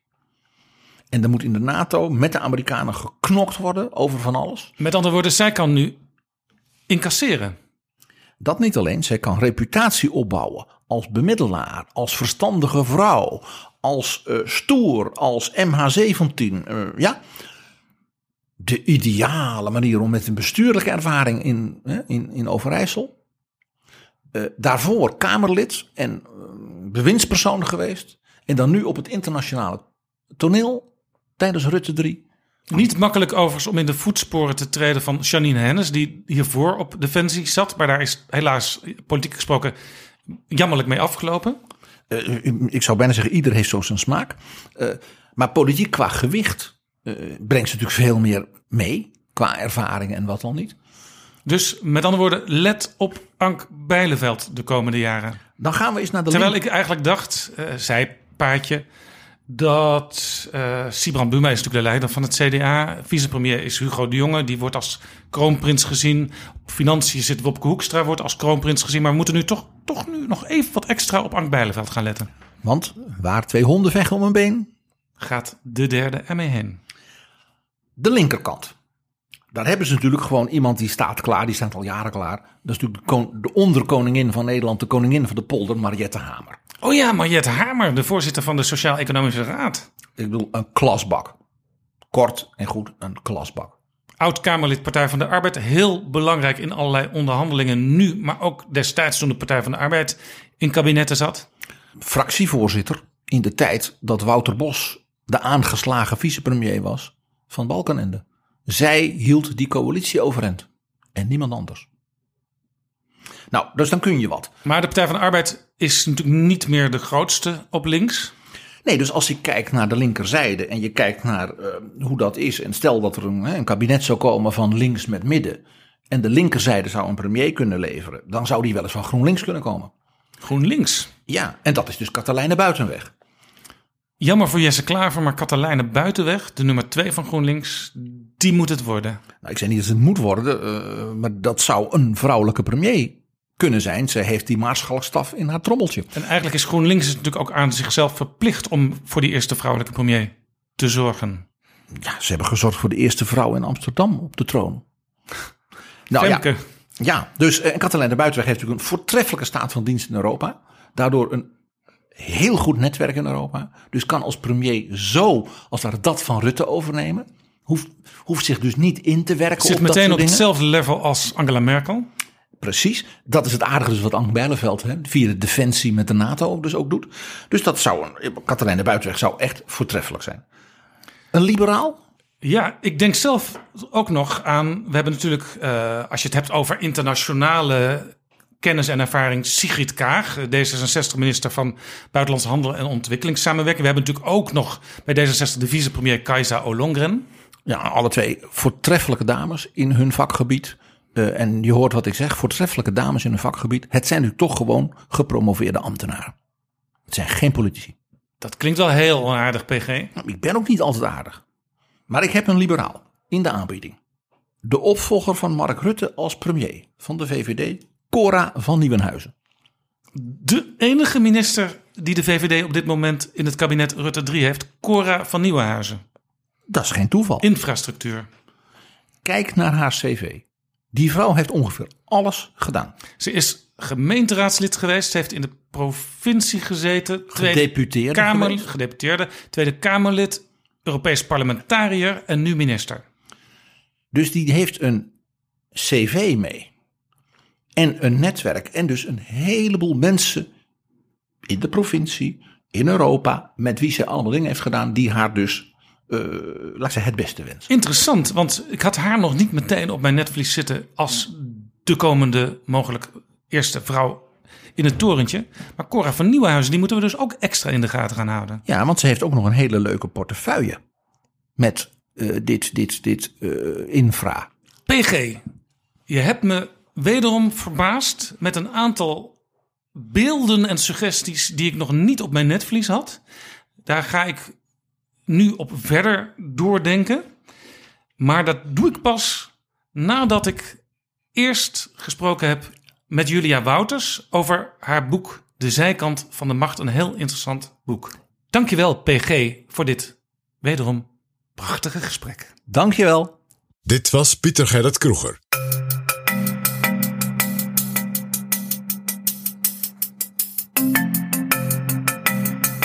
En dan ga ik nu praten met Julia Wouters over haar boek De Zijkant van de Macht. Waarom de politiek te belangrijk is om aan mannen over te laten. Dit is Jaap Jansen met Betrouwbare Bronnen.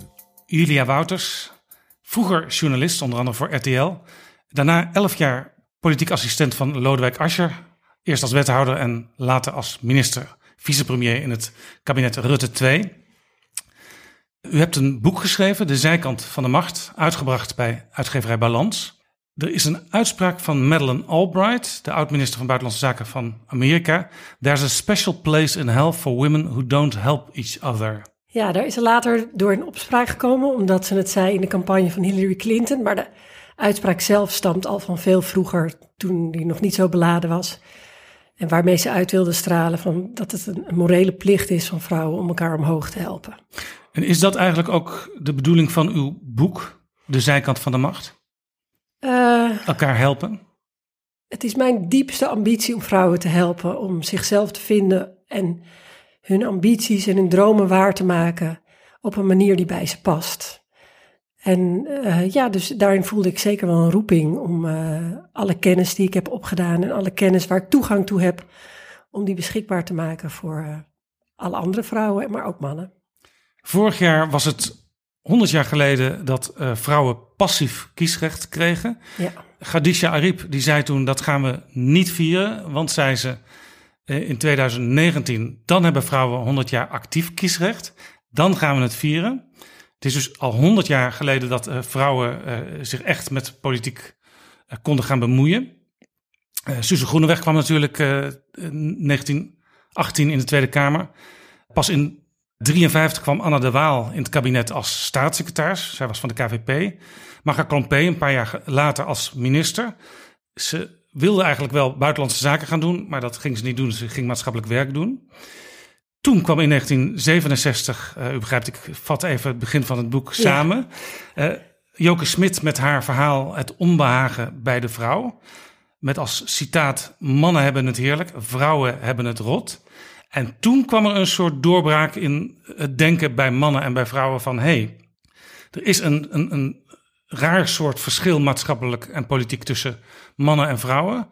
Eh, mannen die zijn aan de macht, mannen hebben invloed en vrouwen die staan op veel grotere afstand.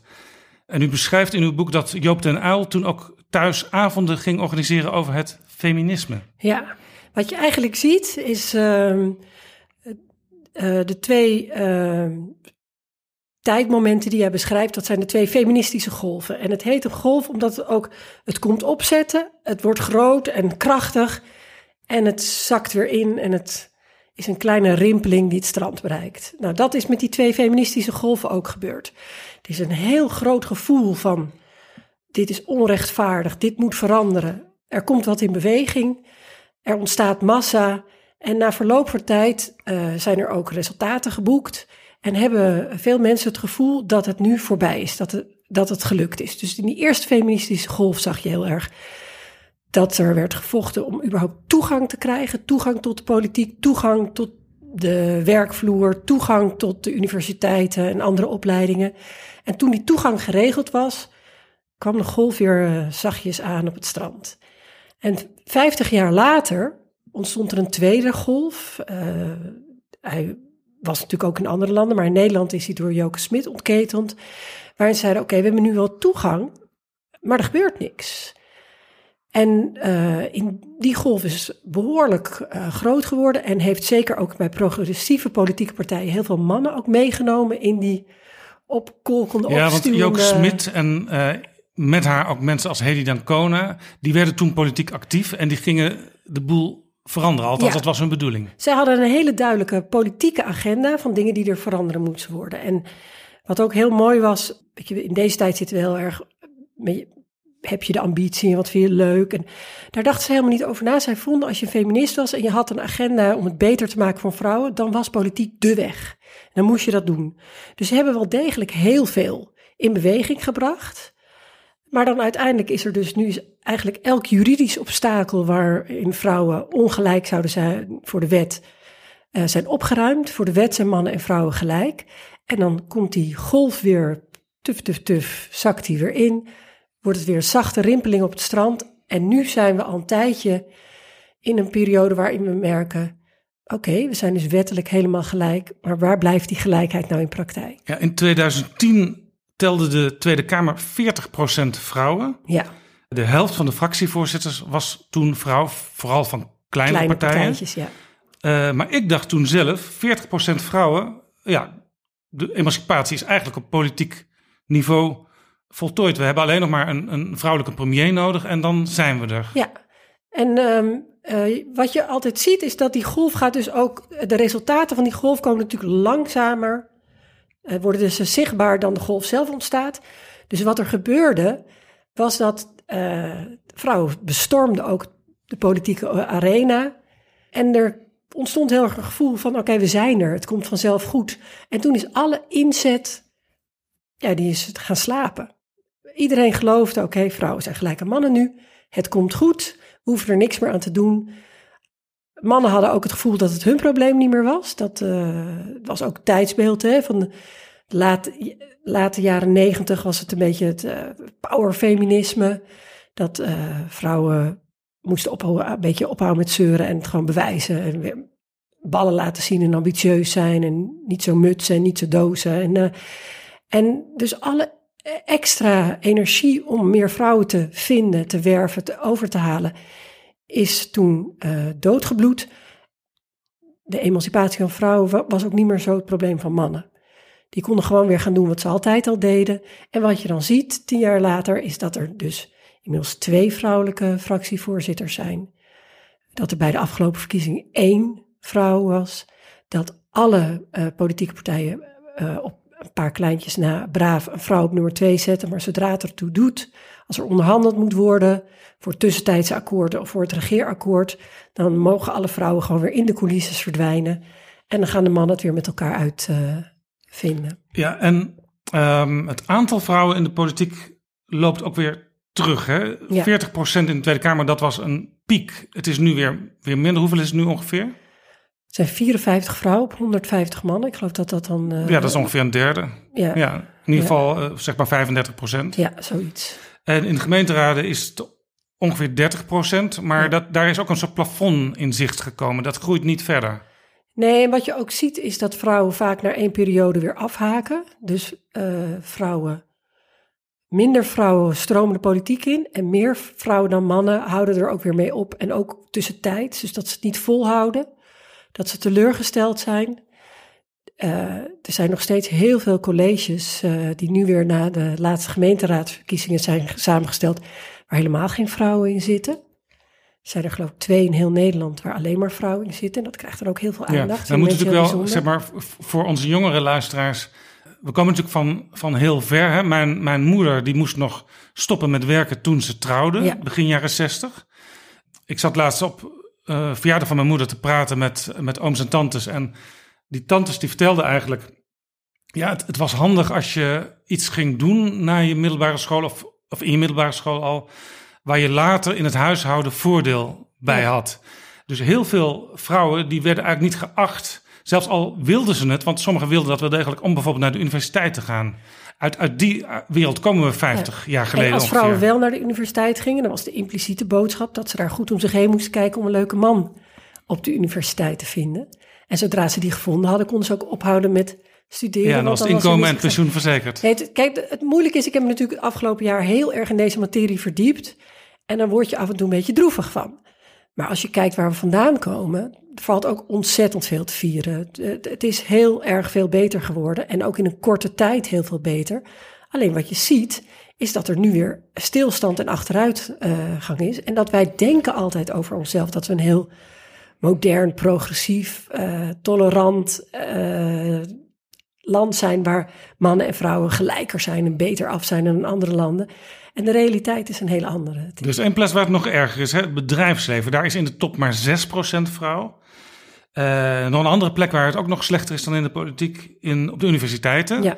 De meerderheid van de studenten tegenwoordig is vrouw, maar het aantal ook leraren is maar een procent of 18. Ja, het is niet alleen zo dat de meerderheid van de studenten vrouw is, maar ook de meerderheid van mensen die goed en snel met hoge cijfers en goede resultaten afstuderen, is ook vrouwen. Vrouwen hebben elkaar, hebben mannen daar enorm in ingehaald. Dus er is, het is niet meer, vroeger waren vrouwen, misten ze de talenten en de vaardigheden. Nu hebben ze een overvloed aan Dus talenten vrouwen en nemen het over in Nederland, in Ja. de westerse wereld, maar nog niet aan de top. Niet in, Nee. Op de universiteiten, niet in het bedrijfsleven en ook niet in de politiek. Ja, en, en ik ben eh, feminist, dus ik vind op alle vlakken het heel belangrijk dat vrouwen al hun, alle kansen krijgen waar ze van eventueel maar van dromen. Maar de politiek heeft nog meer mijn hart, omdat ik het eens ben met de vrouwen van de tweede feministische golf en de eerste feministische golf. Ik zie nog steeds de politiek als de arena waarin beslissingen kunnen genomen worden die het eh, veranderen. Dus we hebben een wettelijk eh, recht op gelijk loon voor gelijk werk. Maar het wordt niet goed genoeg gehandhaafd. Waar wordt er besloten om dat beter te gaan handhaven? In de politiek. Er is nog steeds een kloof van ongeveer 20% tussen het loon van de man en het loon van de vrouw die Ja. ongeveer hetzelfde werk doet. En als je, eh, nou, als je alle verklarende oorzaken wegredeneert, dan is het 7%. Ja, dat is even ermee te maken dat bijvoorbeeld vrouwen meer in deeltijd werken en dat soort dingen. Ja, of een tijdje uit geweest zijn omdat ze moederschapsverlof hebben gehad of zo. Maar als je dat allemaal wegredeneert en je kijkt gewoon naar mensen die precies hetzelfde werk op hetzelfde niveau doen, eh, dan is het, eh, het verschil nog steeds zo'n 7%. Wat onverklaarbaar is. En mannen is een van de stellingen in uw boek. Mannen hebben daar in het algemeen minder oog voor. Voor dat soort g- grote verschillen die maar blijven aanhouden. Ik wil eerst even een andere redenering afmaken en dan kom ik eh, weer terug bij deze, want die sluit erop aan. Eh, waarom ik het nog belangrijker vind dat er genoeg vrouwen in de politiek zijn, is omdat de politiek gaat niet alleen over de carrièrewensen of de ambitie van vrouwen, maar gaat over volksvertegenwoordiging. En het is gewoon heel raar als alle besluiten die er genomen worden, genomen worden door mannen. Omdat dit gaat niet over identiteitspolitiek. Mannen en vrouwen zijn anders, hebben andere belangen, andere ervaringen. En die horen gewoon meegewogen te worden. Vrouwen zijn geen minderheid, we zijn gewoon de helft van de populatie. En dus is het in de politiek nog belangrijker dat er voldoende vrouwen aan tafel zitten als in andere organisaties. In de wetenschap is dan de, wat mij betreft het volgende waar het heel belangrijk is. En in het bedrijfsleven is het heel belangrijk omdat een divers team tot creatievere oplossingen komt en dus beter functioneert. Dus het is voor het bedrijf zelf belangrijk. Maar uh, in de wetenschap zie je ook dat bijvoorbeeld het mannelijk lichaam wordt als de norm genomen. Dus er is in de medische wereld heel veel wat we niet zien, waardoor vrouwen sterven. Uh, dat, dat heeft datzelfde onrechtvaardigheid als dat het uh, in de politiek heeft. Er worden beslissingen genomen die blinde vlekken hebben, Niet uit onwil, niet uit gemeenigheid, maar gewoon omdat de ervaringen van mannen en vrouwen nog heel anders zijn. En ook hele simpele, op het oog simpele dingen. Uh, Hedy Dancona was minister. Zij zat aan een grote tafel met voornamelijk mannen te vergaderen. Op een gegeven moment Ja. werd er een briefje binnengebracht. Ja, De minister, Hedy Dancona, keek op dat briefje. ja, En zei, ik moet even gaan bellen. Toen ze terugkwam, zei ze tegen al die, voornamelijk mannen die daar zaten... eh, ja, schrik maar niet hoor, er is niks gruwelijks gebeurd. Maar ik moest even weg, want ik kreeg berichtje van mijn dochter. Is die klont ijs in de vriezer, is dat kip of is dat iets anders? ja, ja. En toen Hedy Dancona mij dit verhaal vertelde, moest ze er weer heel erg om lachen. Wat ik heel mooi vond om te zien, is dat zij was trots op dat soort dingen. Dus zij vond het heel erg leuk om haar specifiek vrouwelijke ervaring, om daar al die mannen mee eh, in de war te maken. Dus zij moest daar al heel erg lachen. Want ze zei, ja, er viel een soort van hele geladen stilte daar aan tafel. En ik zei, ja, de, jongens, de derde wereldoorlog is niet uitgebroken hoor. Dit was gewoon mijn dochter. Ik heb zelf wel eens eh, iets soortgelijks meegemaakt. Eh Lodewijk Asscher was eh, wethouder in Amsterdam. Er was een boekpresentatie van Wouter Bos. Nou, we stonden even met een glas en op een gegeven moment vraag ik aan Lodewijk van... Zullen we, zullen we dadelijk hier even iets gaan eten? Want ik wilde graag een keer met hem wat dieper kennis maken... in plaats van alleen maar vijf minuten of zo op een, aan de zijkant van een bijeenkomst. Toen zei hij, het was eh, ongeveer zes uur. Nee, nee, nee, ik moet er vandoor, want eh, ik ga zo eh, met mijn kinderen eten. Eh, ehm, toen dacht ik, god wat jammer, nu kan ik nog steeds niet goed met hem kennis maken. Maar ja, het was natuurlijk ook wel weer een signaal van er is nog meer dan alleen maar dit soort borrels Ja. en de politiek. Ja, nou, dat, dat, ik, ik heb dat ook mooi gevonden. Als je het hebt over die diversiteit en hoe dat een bedrijf kan helpen. Diversiteit helpt ook mannen. Dus mannen hebben ook behoefte om met hun kinderen te zijn. Mannen hebben er ook pijn van als ze hun kinderen teleurgesteld hebben. En door, als er meer vrouwen komen de arena in, voelen mannen zich ook vrijer om daarover te praten. Als mannen er meer over praten, durven andere mannen er meer over praten. Dus het is, het is ook om dat soort eh, dingen belangrijk. Ik heb ook Roger van Boksel gesproken. De oud-minister van D66 in de Paarse kabinetten. Ja, hij was. eh, en hij vertelde een voorval toen hij minister van Integratie was. Eh, het heeft mijn boek niet gehaald. Maar hij vertelde dat hij opeens een spoeddebat had op de dag dat hij beloofd had het vader-zoon voetbaltoernooi te doen. En hij zei ja, dat debat ging over een imam die iets gezegd had wat absoluut niet kon. En iedereen was heel opgewonden. Maar mijn zoon heeft een maand niet tegen mij gesproken. Want die snapte niet. En ik had het ook echt beloofd. Ik ben er, je kan op me rekenen. En toen opeens was iedereen eh, enorm opgewonden over een uitspraak van een imam. En ik moest stand te peden naar de kamer komen. En ja, hij vertelde het, dit, dit is vele jaren geleden. Dit is ergens begin Dus 2000. het kan nog tot een enorm trauma leiden ook. Nou ja, dit, het laat zien dat mannen net zo teleurgesteld zijn als ze, als ze hun eh, zoon hebben teleurgesteld als vrouw dat eh, hebben. En, maar dat, dat dit soort, als er iets meer ruimte komt om daarover te praten, dat het ook mannen heel erg kan bevrijden. Nog zo'n voorbeeld, dat staat wel in het boek. In Paars eh, was Annemarie Jortsma van de VVD was minister. Eh, daar zat ook Hans Weijers in van D66 en Gerrit Salm van Ja. de VVD. En zowel Weijers als Zalm ha- maakten af en toe een opmerking over... nee, dan kan ik niet of nee, dan moet ik eerder weg, want mijn kinderen. Ja, En eh Annemarie Jortsma dacht toen... eh, want Wim Kok, de premier, die bleek daar begrip voor te hebben... ja. Eh, waarschijnlijk had hij helemaal niet zoveel begrip als ik of een andere vrouwelijke collega zo'n opmerking had gemaakt. Eh, nee, dan was het gezien als onprofessioneel zijn. En er is ook een hele periode geweest waarin vrouwen zo min mogelijk over hun kinderen praten. En eigenlijk is dat nog steeds wel zo. Ik ben natuurlijk ook door het schrijven van het boek heel erg mijn eigen ervaringen weer opnieuw gaan bezien. En ik denk dat heel veel luisteraars zullen herkennen dat het heel normaal en sociaal geaccepteerd is om op maandagochtend, als je op kantoor komt, wat voor kantoor dat ook is, even het over de sportuitslagen van dat weekend te hebben. Het is niet sociaal geaccepteerd over, om het over de sportuitslagen van je kinderen hun voetbal- of hockeywedstrijd te hebben. Terwijl Of, het eigenlijk veel leuker is.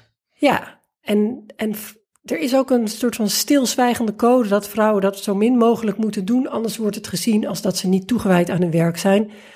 Terwijl het over de uitslag van Ajax Feyenoord hebben ook echt niks met werk te maken heeft, maar als een soort van bonding wordt gezien.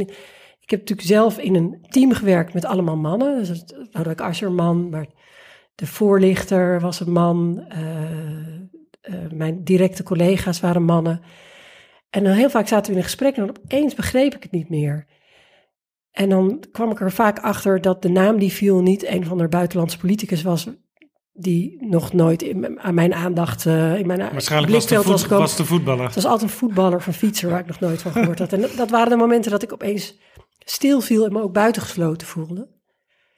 Waar het eigenlijk op neerkomt, helemaal niet alleen in de politiek, maar in, in alle werkvelden, is dat het is ontworpen op hoe mannen zijn. En van vrouwen wordt verwacht dat ze zich daaraan aanpassen. En mijn boek is, uh, behalve een verklaring hoe het allemaal werkt, ook een pleidooi dat er maar wat moet veranderen, zodat er ook plek is voor vrouwen om te zijn wie ze zelf zijn. En Na- voor mannen. Na die tweede feministische golf, hè, die golf zeg maar van Joke Smit, die in de jaren zestig eh, begon. eh, en die weer eh, rustig tot stilstand kwam op, eh, op het strand. Toen begon eh, Nelly Kroes in de politiek. Ze werd eh, eerst gemeenteraadslid voor de VVD in Rotterdam, toen staatssecretaris, toen minister. En eh, zij zei destijds in interviews: Ach ja, dat, dat feministische gezeur. Ik ben hier toch ook gekomen. Als je maar genoeg je best doet, dan, Ja. dan kom je er vanzelf wel. En haar eigen levensverhaal was ook het bewijs daarvan. Want voordat ze de gemeenteraad inkwam, was ook een van de enige vrouwen die economie ging studeren aan de Erasmus Universiteit in Rotterdam, wat sowieso een mannenbolwerk was. Zij heeft haar hele leven, alle stappen die ze gedaan heeft, laten zien dat je als vrouw er ook kan komen. Alleen op een gegeven moment keek ze om zich heen en was ze nog steeds de enige vrouw. En toen ging het haar dagen dat zij misschien wel er de hele tijd doorheen geramd was.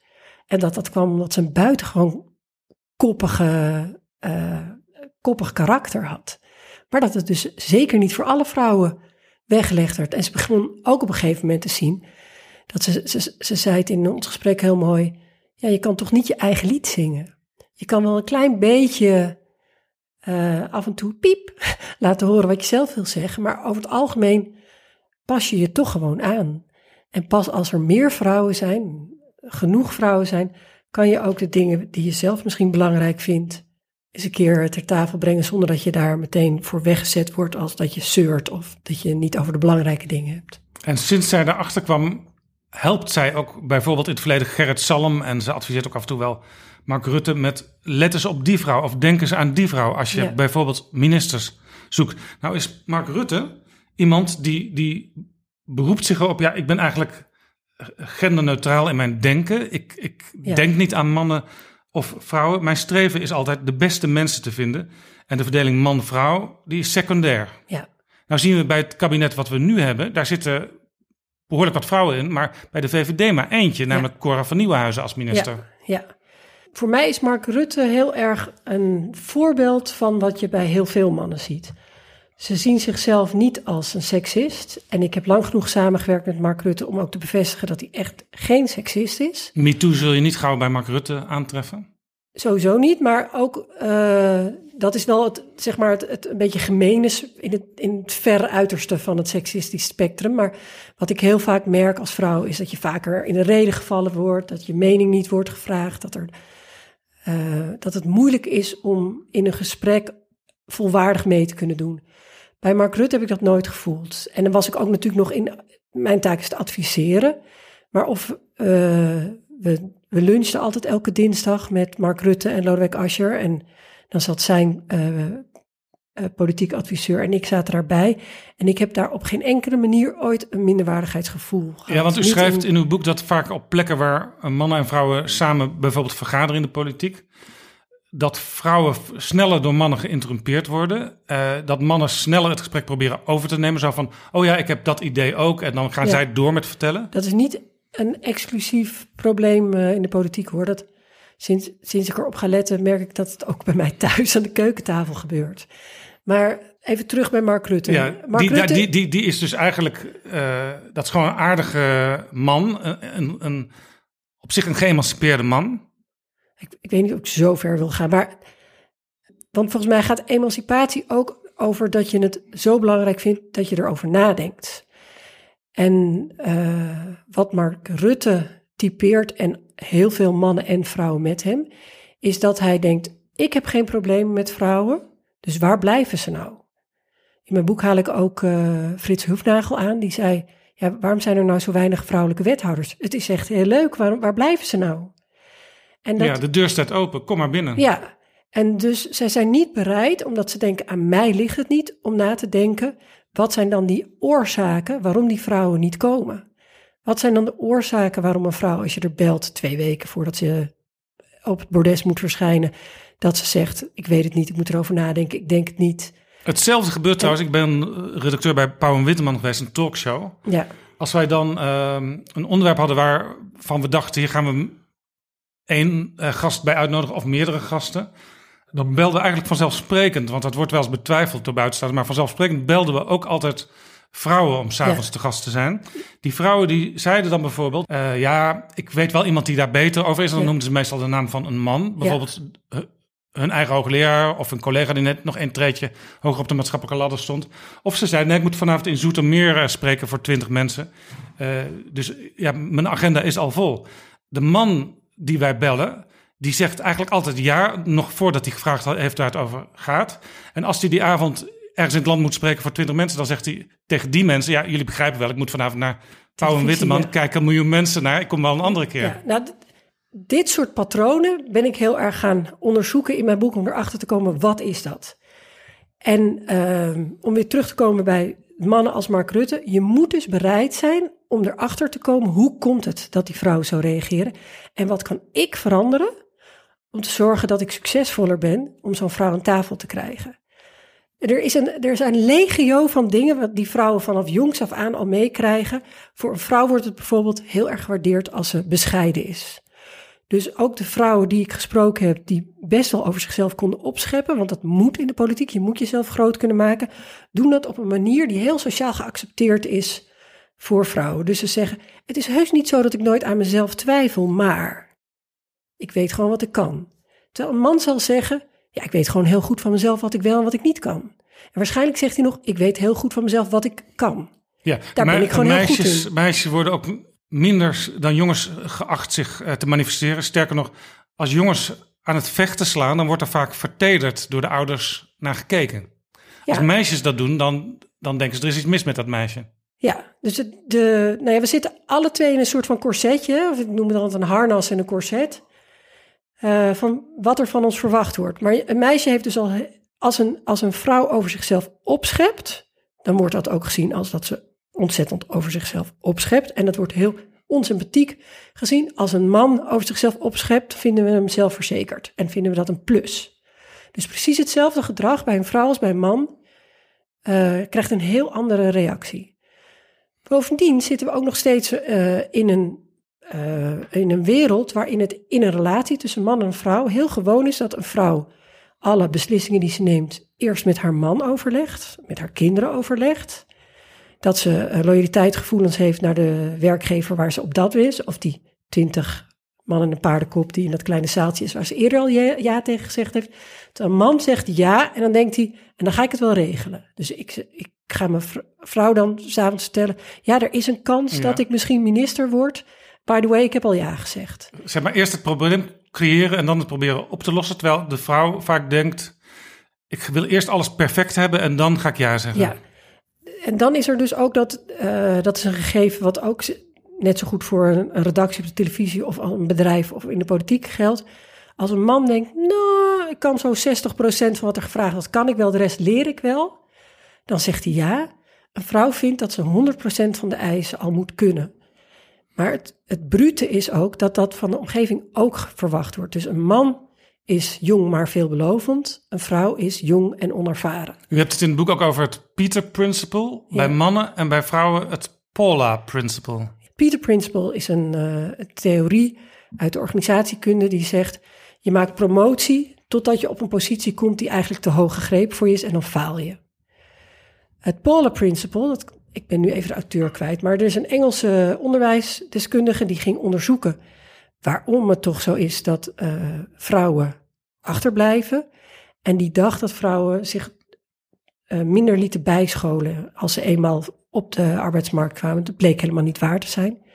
En toen kwam hij tot de conclusie dat er versus het Peter Principle. Een Paula Principle is, die zegt dat eigenlijk alle vrouwen onder hun kunnen functioneren. Dus veel mannen functioneren op een gegeven moment boven hun uh, kunnen. Vrouwen heus ook wel. Maar de meeste vrouwen zitten ergens waar ze onder hun kunnen uh, functioneren. Een soort faalangst. Terwijl die mannen die, die, die zijn gedrogeerd door het idee van... Nou, ik krijg die machtige positie, ik ga het doen. Maar de, de, de faalangst en wat er de, door de omgeving van je verwacht wordt... dat zijn twee helften van dezelfde medaille. Dus ten eerste is er uh, voor vrouwen... als ze zich precies zo gedragen als mannen... dan vinden mannen dat heel verwarrend. Als ze zich gedragen als een standaard vrouw, als een hele feminine vrouw... dan vinden mannen dat heel ingewikkeld. Dus uh, de manier waarop vrouwen zich professioneel moeten gedragen, wat vrouwelijk leiderschap is, dat weten we nog niet. Dat zijn we op dit moment aan het uitvinden. Je kreeg zelf trouwens ook uh, kritiek hè, toen je de journalistiek inging en in Den Haag op het Binnenhof kwam te werken voor RTL. Toen zei Wouke van Scherrenburg, toch een vaak wel solidaire collega. Het was ook geen kritiek, het was meer een moederlijke tip aan Die zei, je moet je wat minder bloot kleden, want dat is niet goed. Ja, ja, mijn eerste maanden aan het Binnenhof uh, waren in de zomer. Het was heel heet en ik, ik vond dat ik mezelf keurig had aangekleed. Ik had een broek aan en een, een hemdje erop. En uh, ja, nu ik ouder ben, zou ik dat ook niet meer doen, inderdaad. Uh, maar het was geen kritiek, het was meer een moederlijk advies. Van pas op, als je je zo kleedt, word je minder serieus genomen. Dat zijn dingen waar mannen zich helemaal niet zorgen over hoeven te maken. Overigens zie ik vrouwen, als ik bijvoorbeeld in de Verenigde Staten kom in het congres of of ook soms ook in het Europees Parlement, zie ik heel erg vaak een mantelpakje dragen, waarvan ze dan vaak zes verschillende kleuren in de kast hebben hangen. Ja. Uh, dat is eigenlijk ook een soort mannengedrag misschien wel. Hè? Want mannen, die wordt vaak verweten, jullie hebben alleen maar blauwe en grijze pakken. Ja. Maar vrouwen, die, die hebben blijkbaar ook wel zo'n soort panzer soms nodig. Ja, mijn ideaal zou zijn als we allemaal dat panzer zouden kunnen afwerpen. Uh, maar ik zie ook wel hoe moeilijk dat is. Het is mij natuurlijk in de aanloop naar de publicatie van mijn boek ook overkomen dat ik gebeld werd door de pers. En die vroegen mij dan heel beleefd of ik het misschien leuk zou vinden bij hun aan te schuiven. En dat is de verkeerde manier waarop je een vrouw moet uh, vragen. Ik had erover nagedacht. En een van de. Ik weet niet hoe je dat zegt, maar ik heb zo'n citaat in het begin van mijn boek. Een daarvan is mm -hmm. Pippi Langkous. Ik heb het nog nooit gedaan, dus ik denk wel dat ja. ik het kan. Dat is een heel belangrijk mantra voor vrouwen om jezelf dat duwtje te geven. Dus ik zeg ja. En bovendien, ik wil natuurlijk graag veel mensen mijn boek lezen. Dus ik wil de publiciteit in. Maar alles in mijn lichaam uh, roept. Goh, vind je jezelf dan zo geweldig? Denk je dan dat je dat kan? Misschien kan je dat wel helemaal niet. Oh jeetje, wat moet je aan? Um, en dus toen ik, ik, mijn boek was al af, uh, maar het was er nog niet. En ik werd dus door media redacteuren gebeld of ik wilde komen. En toen heb ik nog snel in mijn boek een extra tip geschreven voor tip voor redacties. Je moet niet bellen, wil je komen? Want een vrouw heeft vanaf dat ze drie is geleerd dat ze moet zeggen: Ik weet het niet. Ben ik nou wel zo geschikt? Ik weet wel iemand anders die geschikter is. Dus uh, ik moet het thuis overleggen. Ja, de, de vraag, vraag, wordt eigenlijk veel te, veel te open gesteld. Je moet zeggen: je hebt een heel belangrijk boek geschreven. Je hebt heel veel kennis ja, hierover. Wij willen per se dat je daar vanavond over komt vertellen. Dat onderwerp verdient het om bij ons uh, te horen te zijn. En wij willen dat jij dat komt doen. We rekenen op je. En dan komt een vrouw, want dan spreek je haar aan op haar loyaliteit en het grotere doel. Dus niet het doel van, kijk, mij is belangrijk zijn, maar het doel, ik heb een boodschap te vertellen waar ik mensen wat mee kan brengen. En dan zal je zien dat vrouwen veel vaker ja zeggen. Katelijne Buitenweg van GroenLinks, die natuurlijk al in het Europees Parlement de leider van GroenLinks was geweest, die werd ook gepolst toen een jaar geleden uh, Jesse Klaver aan het leiderschap bezig was van, van GroenLinks. Een lijsttrekker zou worden misschien. Uh, Katlijne, wil jij niet uh, ook kandidaat zijn? Want dan is er tenminste iets te kiezen. En hebben we twee goede kandidaten. En zij dacht, nou wil ik dat eigenlijk wel? Ik heb eigenlijk geen zin als ik daar straks zit om elke dag steeds weer te worden bekritiseerd op allerlei dingen, ook op allerlei bijzaken, bijvoorbeeld mijn kleding, mijn stem. En zij heeft dus niet gedaan. Dit, dit is eigenlijk ook zo'n voorbeeld, maar dan op het allerhoogste niveau, namelijk het leiderschap van een politieke partij. Nou, ik denk dat het belangrijk is om te zeggen dat het is natuurlijk nooit de reden waarom iemand het niet doet. Het is één van de redenen. Net zoals Femke Halsema in haar besluitvorming om burgemeester te worden dit heeft laten meespelen, maar het is niet de reden. Ze is niet burgemeester geworden omdat ze een vrouw is. En er spelen meer dingen mee, maar het, bij een vrouw zit het altijd in haar achterhoofd. En dan is het ook zo dat, ik denk dat voor mannen dit ook meespeelt, maar dat mannen uh, ook heel persoonlijk aangevallen worden. Uh, en dat het dus een soort, bepaald soort mannen aantrekt die denken, kom maar op. En dat er van dat soort minder vrouwen zijn. Dat meer vrouwen denken, ik heb daar niet zo'n zin in. En dat het bij vrouwen ook nog veel gemener en persoonlijker is. Dus bij Pechtold moet het zover komen dat een uh, vrouw met wie die een relatie heeft, een off-the-record uh, interview aan de story in de privé geeft. Voor een vrouw hoeft er helemaal niets te zijn en dan wordt ze de hele tijd op haar uh, karakter aangesproken. Daar moet je maar zin in hebben. Wat ik denk en wat ik ook heb gezien in de mensen, alle vrouwen die ik gesproken heb, wat een groot verschil maakt, is als je het herkent. Als je het herkent, dit gaat niet over mij, dit gaat niet over Julia of over Katelijne. Dit gaat over de moeite die mensen, mannen en vrouwen hebben met een vrouw in deze positie zien en hoe hun ogen daaraan moeten wennen. Dit zegt niks over mij. Ik hoef het me dus ook niet aan te trekken. Ik moet het wel herkennen en er een goede manier mee vinden om ermee om te gaan. En iemand als Mark Rutte, maar die staat natuurlijk voor veel meer politici. Uh, mannen, maar soms ook vrouwen, zoals je zegt. Die zien gewoon bepaalde dingen niet in zo'n selectieproces. Waardoor er uiteindelijk in dit geval bij de VVD maar één vrouw minister is geworden in het kabinet. Hij, hij, hij, we zijn allemaal blind, hè? Dus ik had een interview met een mannelijke journalist en die zei: Ik ben geen seksist en daar wil ik ook niet op aangesproken worden. Toen zei ik tegen hem: Nou ja, sorry, maar je bent wel een seksist. Maar ik heb een geruststellend nieuwtje voor je. Ik ook. Het begint ermee. We zijn allemaal schuldig, zeggen ze dan in het land van uh, Calvijn. Nee, we zijn niet allemaal schuldig. We zijn allemaal slachtoffer van de beelden waarmee we opgegroeid zijn en die we elke dag nog steeds om ons heen zien.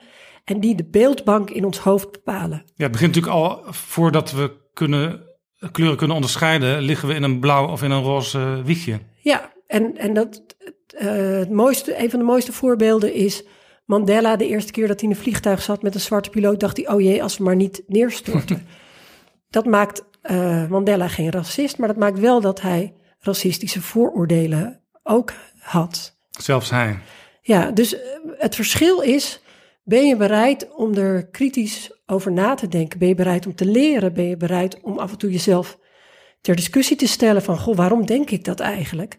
En dat is uh, waar ik hoop dat Mark Rutte beweging in gaat maken en met hem heel veel mannen en vrouwen. Wees bereid om te denken, goh, ik doe al jaren hetzelfde en het resultaat is dus een tekort aan vrouwen. Misschien moet ik zelf ook iets anders gaan Heel veel politieke leiders zeggen ook als er verkiezingen zijn... ik heb vandaag op een vrouw gestemd. Ja. Dat is meestal de nummer twee van hun lijst, want zij zijn dan zelf nummer één. Ja. Uh, maar je stipte het in het begin al even aan. Ook bij deze kabinetsformatie hebben we weer gezien... de nummers twee van de lijsten, allemaal vrouwen van de partijen... die deelnamen aan de kabinetsformatie die gingen niet mee met de leider naar het kamertje waarin de onderhandelingen nee. plaatsvonden. Uh, dus niet Stientje van Veldhoven bij de, van D66, niet Mona Keizer van het CDA. Uh, niet Janine Hennis van de VVD, maar Wouter Koolmees, Pieter Heerma, Halbe Zijlstra. Ja. Uh, dat geeft al heel erg schril aan hoe dat werkt. In, in het boek beschrijf je dat bij de Amsterdamse formatie van het nieuwe college het bijna ook zo was. Alleen de Partij van de Arbeid die, die deed anders. Maar die hadden een vrouwelijke lijsttrekker, wat het Precies. per definitie zo maakt dat er een vrouw aan de Ja. onderhandeltafel was. En wat ik ook altijd raar vond, eh, jij bent eh, eh, actief geweest als politiek assistent in de Partij van de Arbeid. Maar wat langer geleden al, Wouter Bos, daar is een film over gemaakt, de Wouter Tapes. Hoe hij die partij leidde in campagnetijd. Daar zag je hem met allemaal mannen aan tafel zitten van wie heeft er nog een goed idee en hoe zullen we het aanpakken en hoe gaan we dat debat doen. Terwijl als ze ergens eh, heel strikt een regel hadden, was het in de Partij van de Arbeid namelijk man-vrouw, man-vrouw om de beurt op de lijst. Het ritsmodel noemen ze dat. Ja. Maar als het erop aankwam, ging Wouter Bos dus ook met de jongens spelen en de meisjes die moesten op afstand blijven staan. Ja, nou heeft Wouter Bos wel ook altijd een vrouwelijke eh, politiek assistent gehad. En ik noem het zelf altijd liever adviseur, omdat assistent klinkt net of je verantwoordelijk bent voor- het kopje koffie op tijd. Tassendrager. Dus hij heeft wel altijd een hele sterke vrouw naast zich gehad. Maar wat je wel ziet en wat ja, wat ook wel de schellen van mijn ogen heeft doen vallen in het, in het proces van dit boek schrijven. Dat eigenlijk juist uh, partijen en mannen waarvan die van zichzelf vinden dat ze absoluut geen seksist zijn, omdat ze de emancipatie van vrouwen ontzettend belangrijk vinden, die ook uitdragen, uh, het gevoel hebben dat dat niets voor hun eigen gedrag betekent.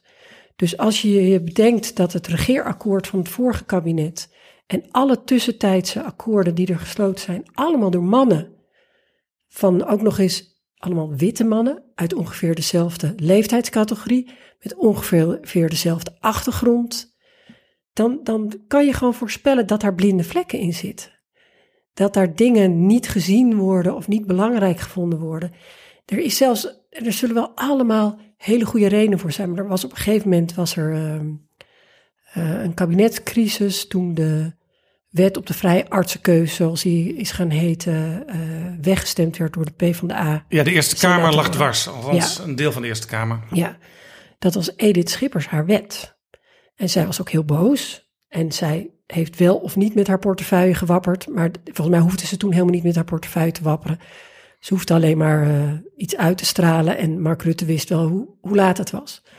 Die crisis is toen nou ja, er is weer heel erg lang, nachtenlang door onderhandeld. Door alleen maar mannen. En toen er iemand die heel veel verstand had van de portefeuille aan tafel mee moest komen, werd Martin van Rijn daar gevraagd. Ja, nou speelde daar wel natuurlijk mee misschien een verzachtende factor. Uh, Martin van Rijn was staatssecretaris op hetzelfde departement. Hij was van de Partij van de Arbeid. Uh, waar ook de dwarsigheid lag. Nee, ik vind het niet raar dat Martin van Rijn aan tafel kwam zitten. Ik vind het raar dat Edith Schippers er en niet bij, was. Maar dat, zou, dus, dat kan er misschien mee te maken hebben dat Edith Schippers even zo zwaar de pest in had... dat het misschien niet handig was als zij op dat moment daarbij zou zijn. Ja, en toch, kijk, het, er zijn altijd op elk individueel voorbeeld... zijn er redenen waarom het daar net even anders is. Maar als je verder uitzoomt, dan zie je gewoon dat er die hele kabinetsperiode... de enige vrouw die de hele tijd aan tafel zat bij alle belangrijke beslissingen, waar er bezuinigd werd, op wie er bezuinigd werd, hoe er bezuinigd werd. Al die besluiten zijn door mannen genomen. En daarna werden ze dan in het uh, bewindspersonenoverleg als feiten neergelegd. En ik, ik weet, ik, ik zat altijd bij het bewindspersonenoverleg. En dat is, is als de ministers en staatssecretarissen van de eigen partijkleur, die zitten dan altijd donderdagavond voor de ministerraad bij elkaar. En ik heb de irritatie wel gevoeld van vrouwen die wel minister of staatssecretaris waren, maar over hun portefeuille waren akkoorden gesloten waar ze zelf niet eens in gekend waren. Ze kregen dat als feit mee. En toen ik daarbij zat, dacht ik, ja, ze doen verongelijkt en ze moeten gewoon even begrijpen dat dit groter is dan hun eigen ego. Maar nu zie ik dat er dus, ja, weet je, misschien dat ik het niet van de VVD minder erg vind of zo, maar van een partij als de Partij van de Arbeid, die dus ja, die heel veel potenties heeft als het gaat om gelijkheid en ja, ook over feminisme. Waar ook mannen zitten die zichzelf allemaal met recht feminist mogen noemen. Die ook, weet je, mijn eigen uh, oud-baas Lodewijk Asscher heeft echt de afgelopen periode heel veel dingen voor vrouwen gedaan. Bijvoorbeeld het vaderschapsverlof uitgebreid. Ja. ja, en daar echt als een leeuw voor geknokt. Dus hij mag zich met recht feminist no noemen. En toch valt het die mannen niet op als ze gewoon weer met al die andere gymnasiumgastjes die daarna universitaire studie hebben gedaan en allemaal wit en man zijn, bij elkaar gaan zitten. U was ook bang hè, op een gegeven moment, uh, want u was dus eigenlijk permanent met Lodewijk Asscher. U, u, vergezelde hem steeds naar alle belangrijke besprekingen, u gaf hem advies. Uh, u was zelf ook heel erg betrokken bij dat idee dat vaderschapsverlof uit te breiden, ja. waardoor mannen ook meer verantwoordelijkheid gaan voelen uiteindelijk ook voor het gezinsleven en vrouwen meer ruimte krijgen voor, voor alle andere dingen. Maar zelfs u was op een bepaald moment bang dat Asscher het, de strijd zou laten varen, dat hij het onderwerp zou laten vallen. Ja, weet je, op een gegeven moment, een timmerman ziet overal spijkers. Uh, nu ik het afgelopen jaar alles door deze lens heb gekeken, eh, man-vrouw verschillen, feminisme, zie ik misschien dingen die er niet echt waren. Maar wat mij opvalt is dat als je een stel mannen bij elkaar zit, dat cijfers de boventoon gaan uh, voeren. Dus problemen worden opgelost, zodat er aan het, onder aan het streepje gewoon weer nul staat. En alle emoties die daarbij komen kijken, worden als minder relevant gezien. Dus je maakt een besluit onder de streep staat weer nul, dus het, het financieel klopt het weer.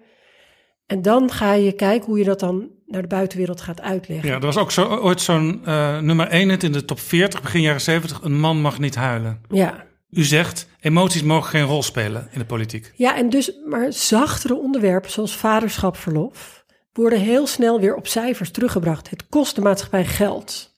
Wat het verder oplevert is veel moeilijker eh, te berekenen. En dus in discussies waar dingen in, in, in ja, prioriteiten krijgen, vallen dat soort onderwerpen altijd net van het lijstje af. En, soms ook heel actief, hè, want er moest bezuinigd worden in het kabinet Lubbers. Hedy Dancona, minister, werd bij Lubbers en bij vicepremier Kok geroepen. Ja. En haar werd verteld, er gaat bezuinigd worden op uh, kinderopvang. En we hebben gedacht dat dat zoveel uh, tientallen miljoenen uh, kan zijn. En dat, dat tellen wij hier bij de, aan de bezuinigingskant erbij op. En wat zei Hedy Dancona toen? Die ging onbedaarlijk hard lachen. En zei: Jullie, jullie die nog nooit een kind een luier hebben verschoond. en zelfs nog nooit een kind hebben vastgehouden. Jullie denken dat je in de kinderopvang zo'n kind even in een bedje kwakt. en dan de rest van de dag niet meer om, naar om hoeft te kijken. En ze vertelde mij, ik ben toen zo onbedaarlijk gaan lachen. En toen bonden die mannen dus in. Want er was dus een soort redenering bij Lubbers en Kok. Als een iemand in de kinderopvang negen kinderen uh, verzorgt op een dag, dan kunnen dat er ook wel elf zijn. Zoveel maakt dat niet uit. Nee. En dat hebben we dan weer even bezuinigd. Ja, en dan, nou ja, dan, dan staat er weer een ander cijfertje. En wat dat in de praktijk betekent. En kijk, ik geloof helemaal niet zo in dat er hele enorm aangeboren verschillen zijn in dat soort dingen. Ik denk dat uiteindelijk zullen we meer naar elkaar toe groeien als man en vrouw. En dan zullen Het is we aangeleerd. zien wat er nog verschil is. Maar nu is de ervaring van vrouwen is dat uh, meer ervaring hebben met dat soort praktische dingen dan mannen. En dus niet dat soort rare beslissingen zullen nemen. Maar als je die hield dus vast aan dat vaderschapsverlof uitbreiden, ondanks de twijfel die u af en toe even had van, van houdt, hij het, houdt hij het wel echt vast? Nou, ik zag de tegendruk. En je moet natuurlijk, ja, het, ik weet wel, toen ik Jet Bussemaker sprak, zei ze ook, elke ministerraad als er weer een voordracht van, was van iemand, of een, een shortlist van namen, dan moest ik elke keer weer zeggen, waarom staan er geen vrouwen op? Waarom staan er zo weinig vrouwen op? Waarom staat er niet voor elke mannelijke kandidaat ook? Je voelt je net een, een plaat die is blijven hangen. Je voelt je zeurderig. Je voelt alsof je het over minder belangrijke dingen hebben dan wat de minister van Buitenlandse Zaken uh, te melden heeft. Zei ze, maar op een gegeven moment ging Jeroen Dijsselbloem het van mij overnemen. Die ging dat zeggen. En toen kon ik een beetje naar achteren gaan leunen. Als je steeds de enige bent die zegt dat het vaderschapsverlof belangrijk is. En elke keer weer wordt dat weer weggeduwd. En andere mensen, ja, de vrouwen bij de VVD vonden het ook heel belangrijk. Maar als we de in de fractievergadering waren geweest, waren ze weer teruggefloten. Dus er was best wel massa voor dat soort onderwerpen. Alleen in alle fracties was het vaak toch een minderheid. Of het was een meerderheid, maar de meerderheid vond het uiteindelijk ook weer niet zo uh, belangrijk. Het raakt ook heel erg aan mijn pleidooi in mijn, in mijn boek. Het is helaas nog steeds zo dat als we willen dat dit soort dingen op de agenda komen, blijven en dat er ook wat mee gebeurt, dat er meer vrouwen zich daar hard voor moeten maken. Want ook de mannen die het heel belangrijk vinden, vinden het niet zo belangrijk als de vrouwen het vinden. Er was een keer een vrouw die tegen u zei: Weet je wat ik eigenlijk altijd al heb willen worden? Nou, minister. Ja. En toen werd u inwendig even boos. En verdrietig. Heel veel van die dingen hangen samen. Dus zeg maar, waarom lukt het wel of niet met uitbreiding vaderschapsverlof? Waarom zijn er wel of niet meer vrouwelijke ministers gekomen? Heel veel van die dingen die hangen op de een of andere manier samen. En dat komt uit dat boek wel heel goed naar voren. Ja, kijk, uh, vrouwen hebben wederom geleerd om bescheiden te zijn. Dus als je wilde dromen hebt, dan moet je die vooral zelf ook niet te serieus nemen en er al helemaal niet hardop over praten.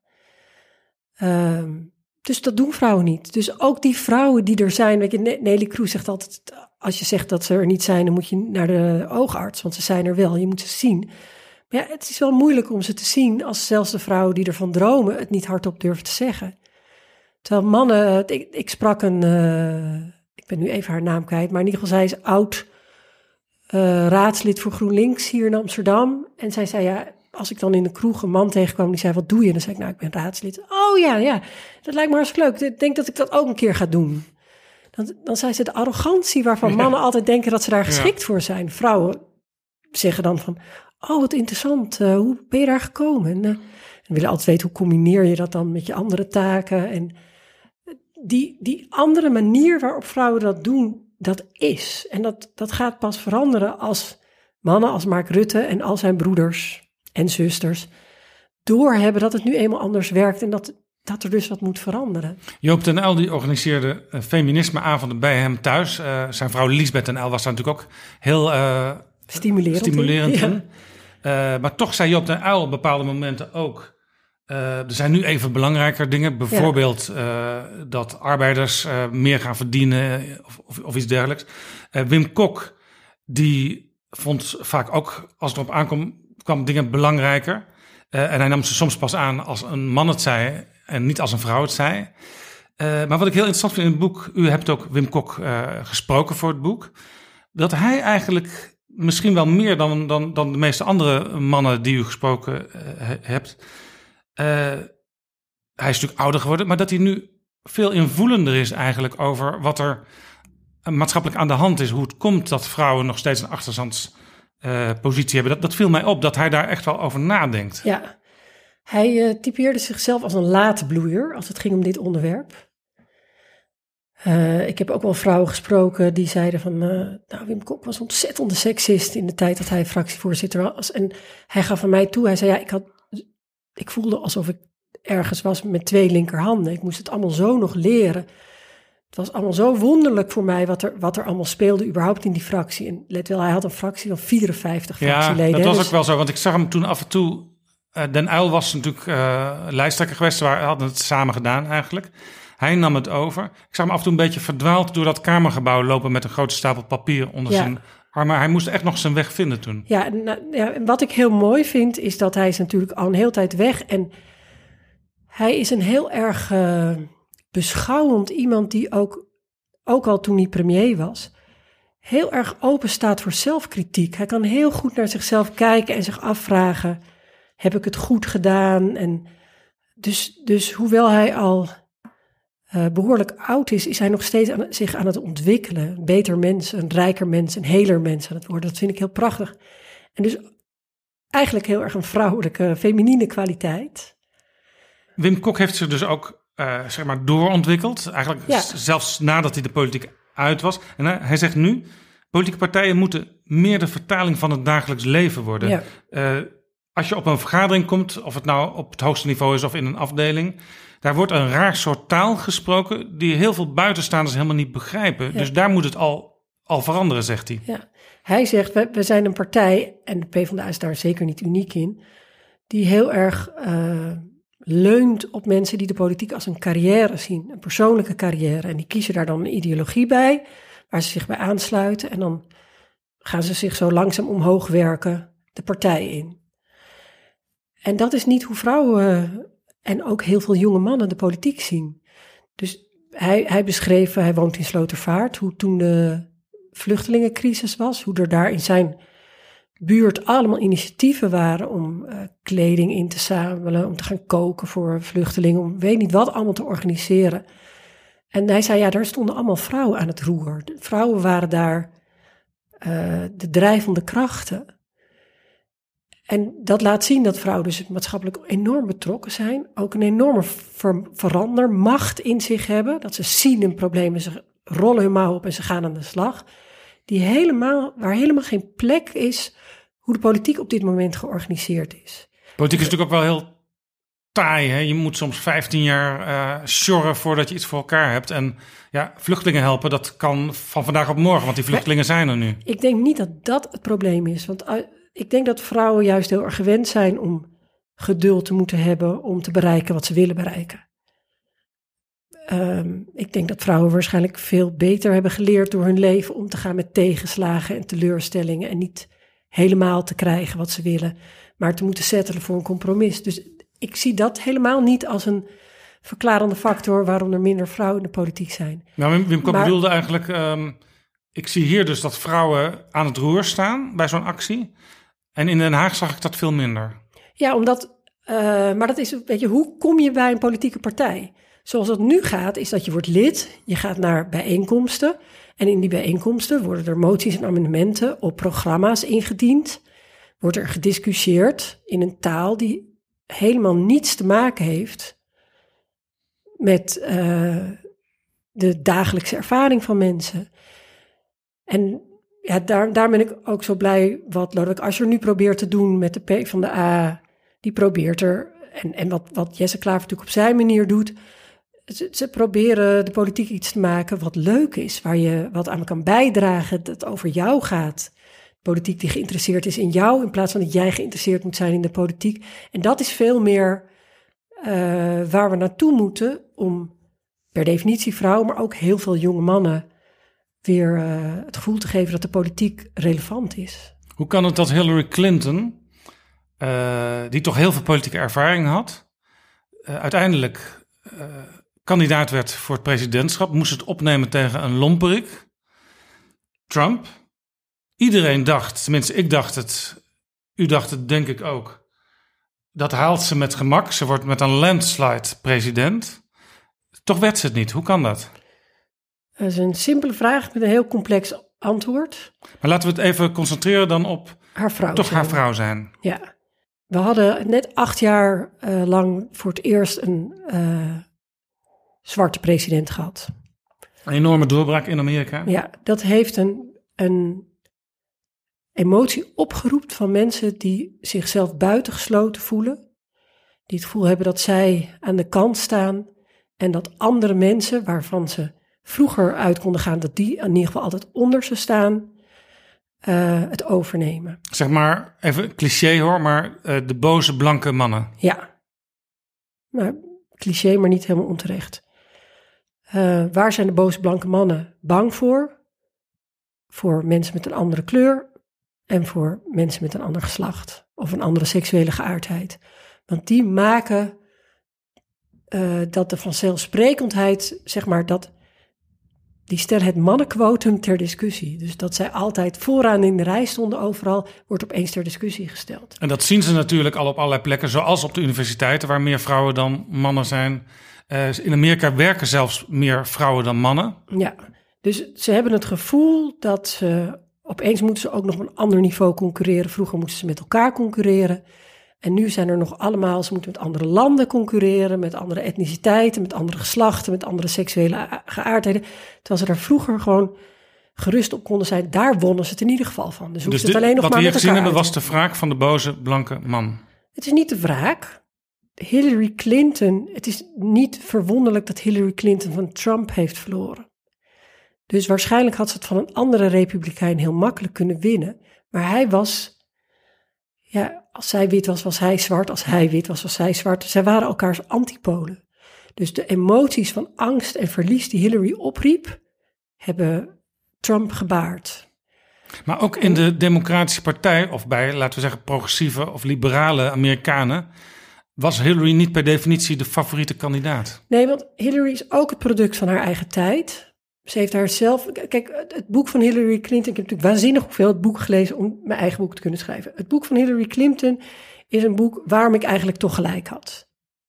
De moeite van het lezen waard, maar weinig zelfkritisch. Ja, misschien heeft het te snel geschreven na haar nederlaag.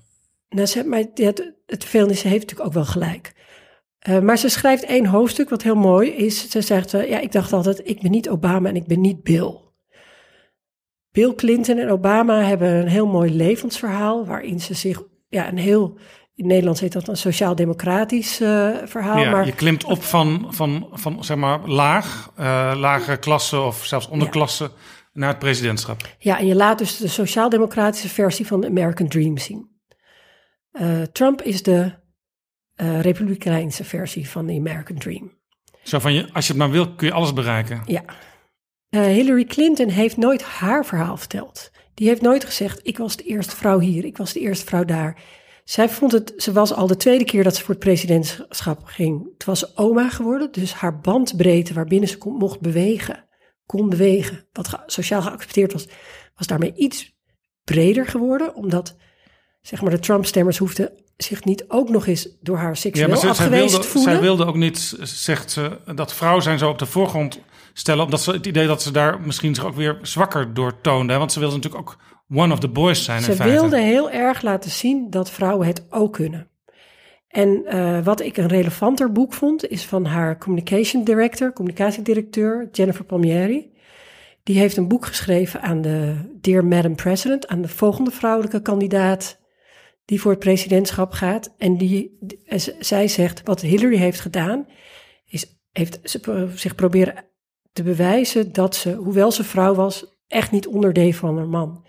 Ze zei, dat is niet meer de strijd van deze tijd. We doen niet meer onder voor mannen. Maar we zijn wel gemankeerde mannen. Maar je mag dus als, je, mag dus als vrouw, dat is een tip, uh, je vrouw zijn ook gewoon uitspelen in zo'n campagne. Nou, dat mag nog helemaal niet. Maar dat zou wel uh, moeten. We hebben daar heel veel moeite mee. Maar dat moeten we, dat is het volgende gevecht dat vrouwen moeten vechten. Want als we proberen alles onveranderd te laten en proberen om in het stereotype van een leider te passen, dan gaan we altijd het onderspit uh, delven. Dan blijf je toch met z'n allen kijken naar een vrouw en denken: wat ben jij nou een rare man? Tegen Margaret Thatcher werd ooit gezegd: uh, mevrouw Thatcher, u redt het nooit als leider als u niet iets doet aan uw stem. Ja. Die moet lager. En daar Ja. ging ze vervolgens op trainen. Ja, ja Margaret Thatcher is wel fascinerend, hè, want zij heeft wel tegelijkertijd ook heel erg haar vrouwelijkheid bewaard. Dus ze zat altijd met die rare handtas, zat ze daar altijd in die bankjes eh, in de Tweede Kamer van eh, het Engelse parlement. Daar zit je ook niet onder een bankje zoals bij ons. Dus je ziet ook, je moet ook met je beentjes over elkaar om niet onder je rok gefilmd te worden en zo. En zij was daar heel erg een dame tegelijkertijd.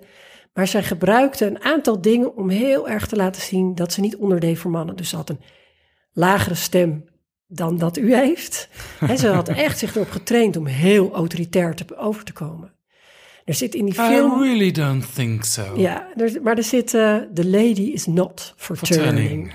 Dus ze speelde heel erg en ze had daar heel erg over nagedacht... waar ze de ruimte pakte tussen het mannelijke en het vrouwelijke. Het Ze zal nooit van zichzelf zeggen dat ze feminist was, maar dat was ze in zekere zin dus wel. Want ze, ze, ze, ze keek hoe ze dit soort dingen kon gebruiken. Nou ja, maar ik vind dat niet. Nou, laat ik daar geen waardeoordeel over geven. Het is niet mijn soort feminisme. Want wat ik denk dat het, waar de derde feministische golf over zou moeten gaan, is dat vrouwen, maar ook mannen, zich meer zichzelf kunnen zijn. Dus dat we ophouden te proberen ons aan te passen aan wat er van ons verwacht wordt, met alle pijn en problemen die dat oplevert, zowel mannen als vrouwen. Maar dat we gewoon eigen kunnen zijn. En zeker in de politiek is dat heel belangrijk. De, de, de nieuwe grote uitdaging van hedendaagse politici is de roep om authenticiteit. We zijn de hele tijd aan het kijken bij ons politieke leider. Ben jij wie je zegt dat je bent? Geloof jij wat je uitdraagt? Kan ik op jou rekenen? En als vrouwen zich proberen aan te passen aan wat we verwachten, eh, wat we zien als mannelijk gedrag, dan zijn ze daarbij per definitie niet authentiek. En er zijn vrouwen die daar toch heel succesvol in geweest zijn. Maar je ziet wel dat de bandbreedte die ze daarin hebben heel klein is. Dus Hillary Clinton zei ook van, ik moet eh, rustiger praten. Ik mag niet boos worden. Ik mag niet te veel handgebaren maken en mimiek. Het speelde deze week ook even weer met, eh, in de tenniswereld, hè, met eh, Serena, Serena Williams. Williams. En, en ja, voor mij is het dan ook zij, zij beschuldigde de scheidsrechter van seksisme. En of wat hij deed nou seksistisch was of niet, dat laat ik graag een andere over om te Terwijl het ging om een wedstrijd van twee vrouwen onderling. En Serena was aan het verliezen. Nou, ze, ze verloor. Ze werd uit haar eh Door de ritme scheidsrechter, gebracht. zegt ze door, zelf. Ja. Ja. Dus ze was nog niet aan het verliezen. Maar als je dan leest hoe de Nederlandse pers erover schrijft, is het de, de hysterische diva, tranen van frustratie. Is die, de manier waarop het beschreven wordt, is per definitie seksistisch. Zo, zo zou dat, er zijn zo vaak typeringen en bewoordingen die nooit op een man van toepassing zouden gemaakt Maar nog even terug naar Hillary. Met hetzelfde gedrag. Hillary moest dus allerlei dingen niet doen. Van zichzelf ook, hè? Maar dat waren vaak ook dingen die met elkaar eigenlijk in tegenstrijd waren. Ja. Eh, en daardoor werd ze dus eigenlijk zelf geblokkeerd om zich optimaal te geven in die Ja, dus campagne. men- mensen konden zich niet met haar identificeren. Mannen niet, want het was een hele rare man. En vrouwen ook niet. En ergens in uw boek schrijft u Sarah Palin, die natuurlijk al eerder aan de rechterkant eh, kandidaat was voor het vicepresidentschap. En Clinton, beide kandidaturen, dus voor een functie op het hoogste niveau, heeft vrouwen eh, niet gestimuleerd, maar juist afgeschrikt om voor de politiek te kiezen, om Ja. zich gaan, te gaan kandideren. Ja, ehm, Palin en Clinton waren een soort van totaal verschillende archetypes. De Spelen was heel vrouwelijk, gedroeg zich heel feminien, presenteerde zich als hockeymam, uh, was charmant, de manier waarop ze er, haar hoofd schuin hield als ze praatte, um, haar stemgebruik, alles. En ze werd dus ook weggezegd als een totaal stuk onbenul. Nou ben ik zelf ook niet heel erg onder de indruk van haar, maar ik geloof wel dat er ook best wel mannelijke vicepremierkandidaten geweest zijn die nou niet uh, enorme intellectuele hoogvliegers was. Zij werd heel erg als onbenullig neergezet. Hillary Clinton, die gewend is om te overleven in een mannenwereld en die zich dus haar masculine eigenschappen heeft, nou, misschien heeft ze er meer, misschien heeft ze ze meer ontwikkeld, misschien heeft ze ze meer laten zien, werd als een enorme bitch gezien. Want dat is, dat is de bandbreedte van een vrouw waar ze tussen moet laveren. Je bent ofwel charmant vrouwelijk, maar niet zo competent, ofwel competent, maar een bitch, een keno, een high-bye. Je doet het nooit goed. U moet heel blij zijn met uh, Justin Trudeau, denk ik, uh, de premier van Canada. Want die heeft al twee jaar voordat hij zich kandideerde voor premierschap, is hij mensen gaan opzoeken en mensen gaan stimuleren om zich kandidaat te stellen. Uh, niet alleen vrouwen, maar ook mensen uit allerlei minderheden binnen Canada. Alle soorten groepen mensen die zich normaal niet vanzelf komen aanbieden. En daardoor kon hij uiteindelijk ook toen hij uh, premier werd een heel gevarieerd kabinet presenteren. Ja, en ik, ik kreeg laatst de vraag, want mijn boek gaat natuurlijk over vrouwen, maar hoe het eigenlijk zit met andere minderheden. Maar wat, wat een Nederlandse wetenschapper die heel erg op, uh, sowieso op diversiteit uh, let in de politiek mij vertelde, is dat partijen die meer oog hebben voor diversiteit, punt, of het nou over vrouwen of over etnische minderheden gaan, maar meestal gaan ze dan specifiek richten op vrouwen. In de slipstream daarvan komen ook heel veel meer andere minderheden mee. Omdat als je bereid bent om je open te stellen dat mensen ook een andere benadering kunnen hebben of dingen anders doen of zien dan dat je gewend bent, dan, dan maak je daarmee ruimte die ten goede komt van alle mensen die niet in het malletje van de witte man Het is een beetje het verhaal van um, de eerste vrouw of de tweede vrouw ergens in een organisatie. Uh, die, die blijven zich vaak eenzaam voelen uh, en die verdwijnen soms ook weer uit de club. Uh, er, moet, er moet dus eerst ook een beetje massa zijn, wil je echt iets voor elkaar krijgen ja. samen. Ja, je raakt aan iets wat, ook, wat, wat het in de politiek nog ingewikkelder maakt. Want in het bedrijfsleven is de kritische massa 30% En daar zijn we wel in de politiek voorbij, de 30% Hoe komt het dan toch dat uh, die kritische massa in het parlement en in het kabinet nog niet die cultuurverandering uh, heeft kunnen bewerkstelligen? En dat komt wat mij betreft omdat de politiek is niet een Unilever uh, zit in een cocon. Dus als daar aan de top 30% vrouwen zitten, dan kunnen er opeens ook uh, dingen besproken worden die daarvoor nog uh, een taboe waren. De politiek is niet een op zichzelf staande organisatie. De politiek is afhankelijk van de stemmers en van de pers. Dat zijn de twee brillen van buitenaf. En die zijn nog niet mee veranderd. En de eerste vertaling van wat er in het parlement gebeurt naar de mensen toe is die van de pers. En waar ik ook aandacht aan besteed in mijn boek, is dat de parlementaire journalistiek, en dat moet jij kunnen beamen, nog steeds heel mannelijk is. Er zijn heel weinig vrouwelijke. Klopt, ik zie op redacties vaak. Uh, stel, een redactie bestaat uit acht, negen mensen van een gemiddelde krant. Daar zitten vaak één of twee vrouwen in en de rest zijn mannen. Ja. En daar is dus die kritische massa nog helemaal niet. En uh, het heeft pas zin als je ook dingen ter discussie durft te stellen. Dus ik, ik geef bijvoorbeeld een voorbeeld van een parlementair journalist die aan de Amsterdamse lijsttrekkers vraagt hoeveel uh, van de PvdA die een vrouw is, Marjolein Moorman. Ja, dat was Ruben Koops in het uh, debat voor de Amsterdamse gemeenteraadsverkiezingen. Ja. Marjolein Moorman, PvdA-kandidaat, die erom bekend stond overigens vaak zich in het rood te kleden, de kleur van haar partij. Ja, uh, als je erop gaat letten, is ook de rode stropdas bij mannen heel populair. Want dat is een power tie. Inderdaad, rood staat voor uh, hier ben ik en het straalt macht uit. En bij mannen misschien zelfs wel viriliteit. Dus rood is een, niet een, een, een, een kleur die alleen maar bij uh, de PvdA of de SP hoort. Maar um, hij vroeg haar zonder met zijn ogen te knipperen hoeveel rode jurkjes ze had. En hij dacht dat hij zichzelf indekte, want hij zei namelijk als Erik van den Burg, de lijsttrekker van de VVD, altijd een oranje stropdas om had, had ik het hem ook gevraagd. Maar dat is het schuifspeldje in het haar. Het gaat natuurlijk over dat donkerblauwe pak, wat alle mannelijke politici altijd dragen. En als ze een wilde dag hebben, dan hebben ze een donkergrijs pak. En vroeger was het donkergrijs pak, het gewone pak, en het blauwe was het, kijk mij eens wild doen vandaag. Er is één die Dus probeert te doorbreken. Dat is Hugo de Jonge, de vicepremier van het CDA. Die heeft Met wel weliswaar schoenen. blauwe pakken, maar Ja. altijd eh, hele knalkleurige schoenen aan. Ja, en- het, het relativeert de boel ook wel weer een beetje voor mij, omdat het laat zien dat mannen dus ook nog steeds in dat malletje moeten. Maar hij vroeg haar dus, hoeveel rode jurkjes heb je? En eh, z- zij gaf wel een leuk atrem antwoord. Ze zei, hoeveel blauwe pakken heb jij? Maar daarna ging ze toch braaf vertellen hoeveel rode jurkjes ze had. Ja, en vervolgens kon ze dus minder over de inhoud praten dan ze eigenlijk gewild ja, had. ja het gaat toch allemaal van je spreektijd af. Dus het, eh, ja, het blijft heel ingewikkeld hoe je met dat soort dingen steeds om moet gaan. Maar als je nou je, je vragenlijstje opstelt en je bediscussieert dat van, nou, dit is ongeveer mijn opzetje van wat ik ga doen. En er zitten vrouwen bij jou in je team en jij zegt, ik ga vragen hoeveel rode jurkjes ze hebben. Dan is de kans heel groot dat je weggehoond wordt. Van, wat is dat nou weer voor een totaal irrelevante, belachelijke vraag? Tot slot, eh, er verschijnt deze week ook een boek van Alexander de Croo. Hij is de liberale vicepremier van België. Het boek heet De Eeuw van de Vrouw. Hoe feminisme ook mannen bevrijdt.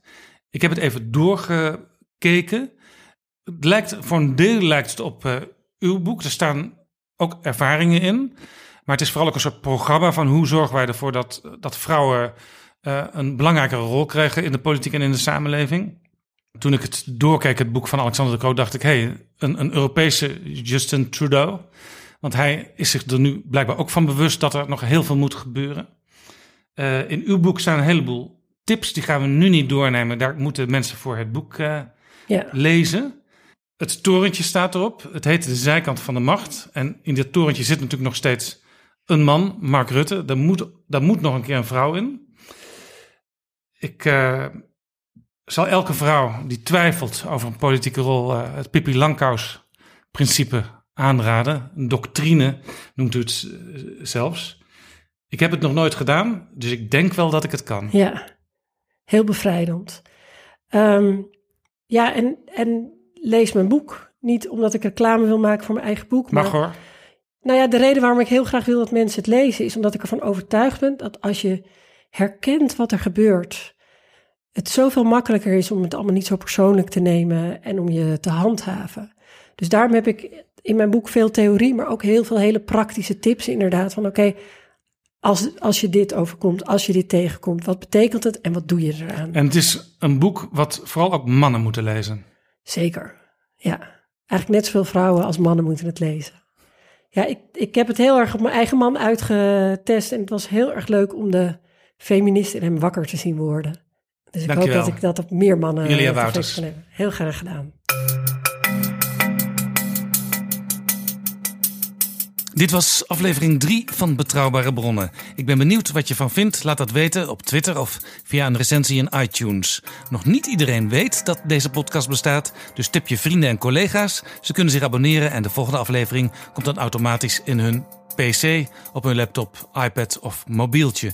Volgende week verschijnt Betrouwbare Bronnen iets later. Niet op vrijdag, maar op zaterdag. En dat heeft alles te maken met de algemene politieke beschouwingen... die dit jaar tot en met vrijdag doorlopen. Omdat de premier tussendoor ook nog een Europese top heeft. Onder andere over de brexit. Wat mij en PG betreft, tot volgende week. Betrouwbare bronnen wordt gemaakt door Jaap Jansen in samenwerking met dag en nacht.nl.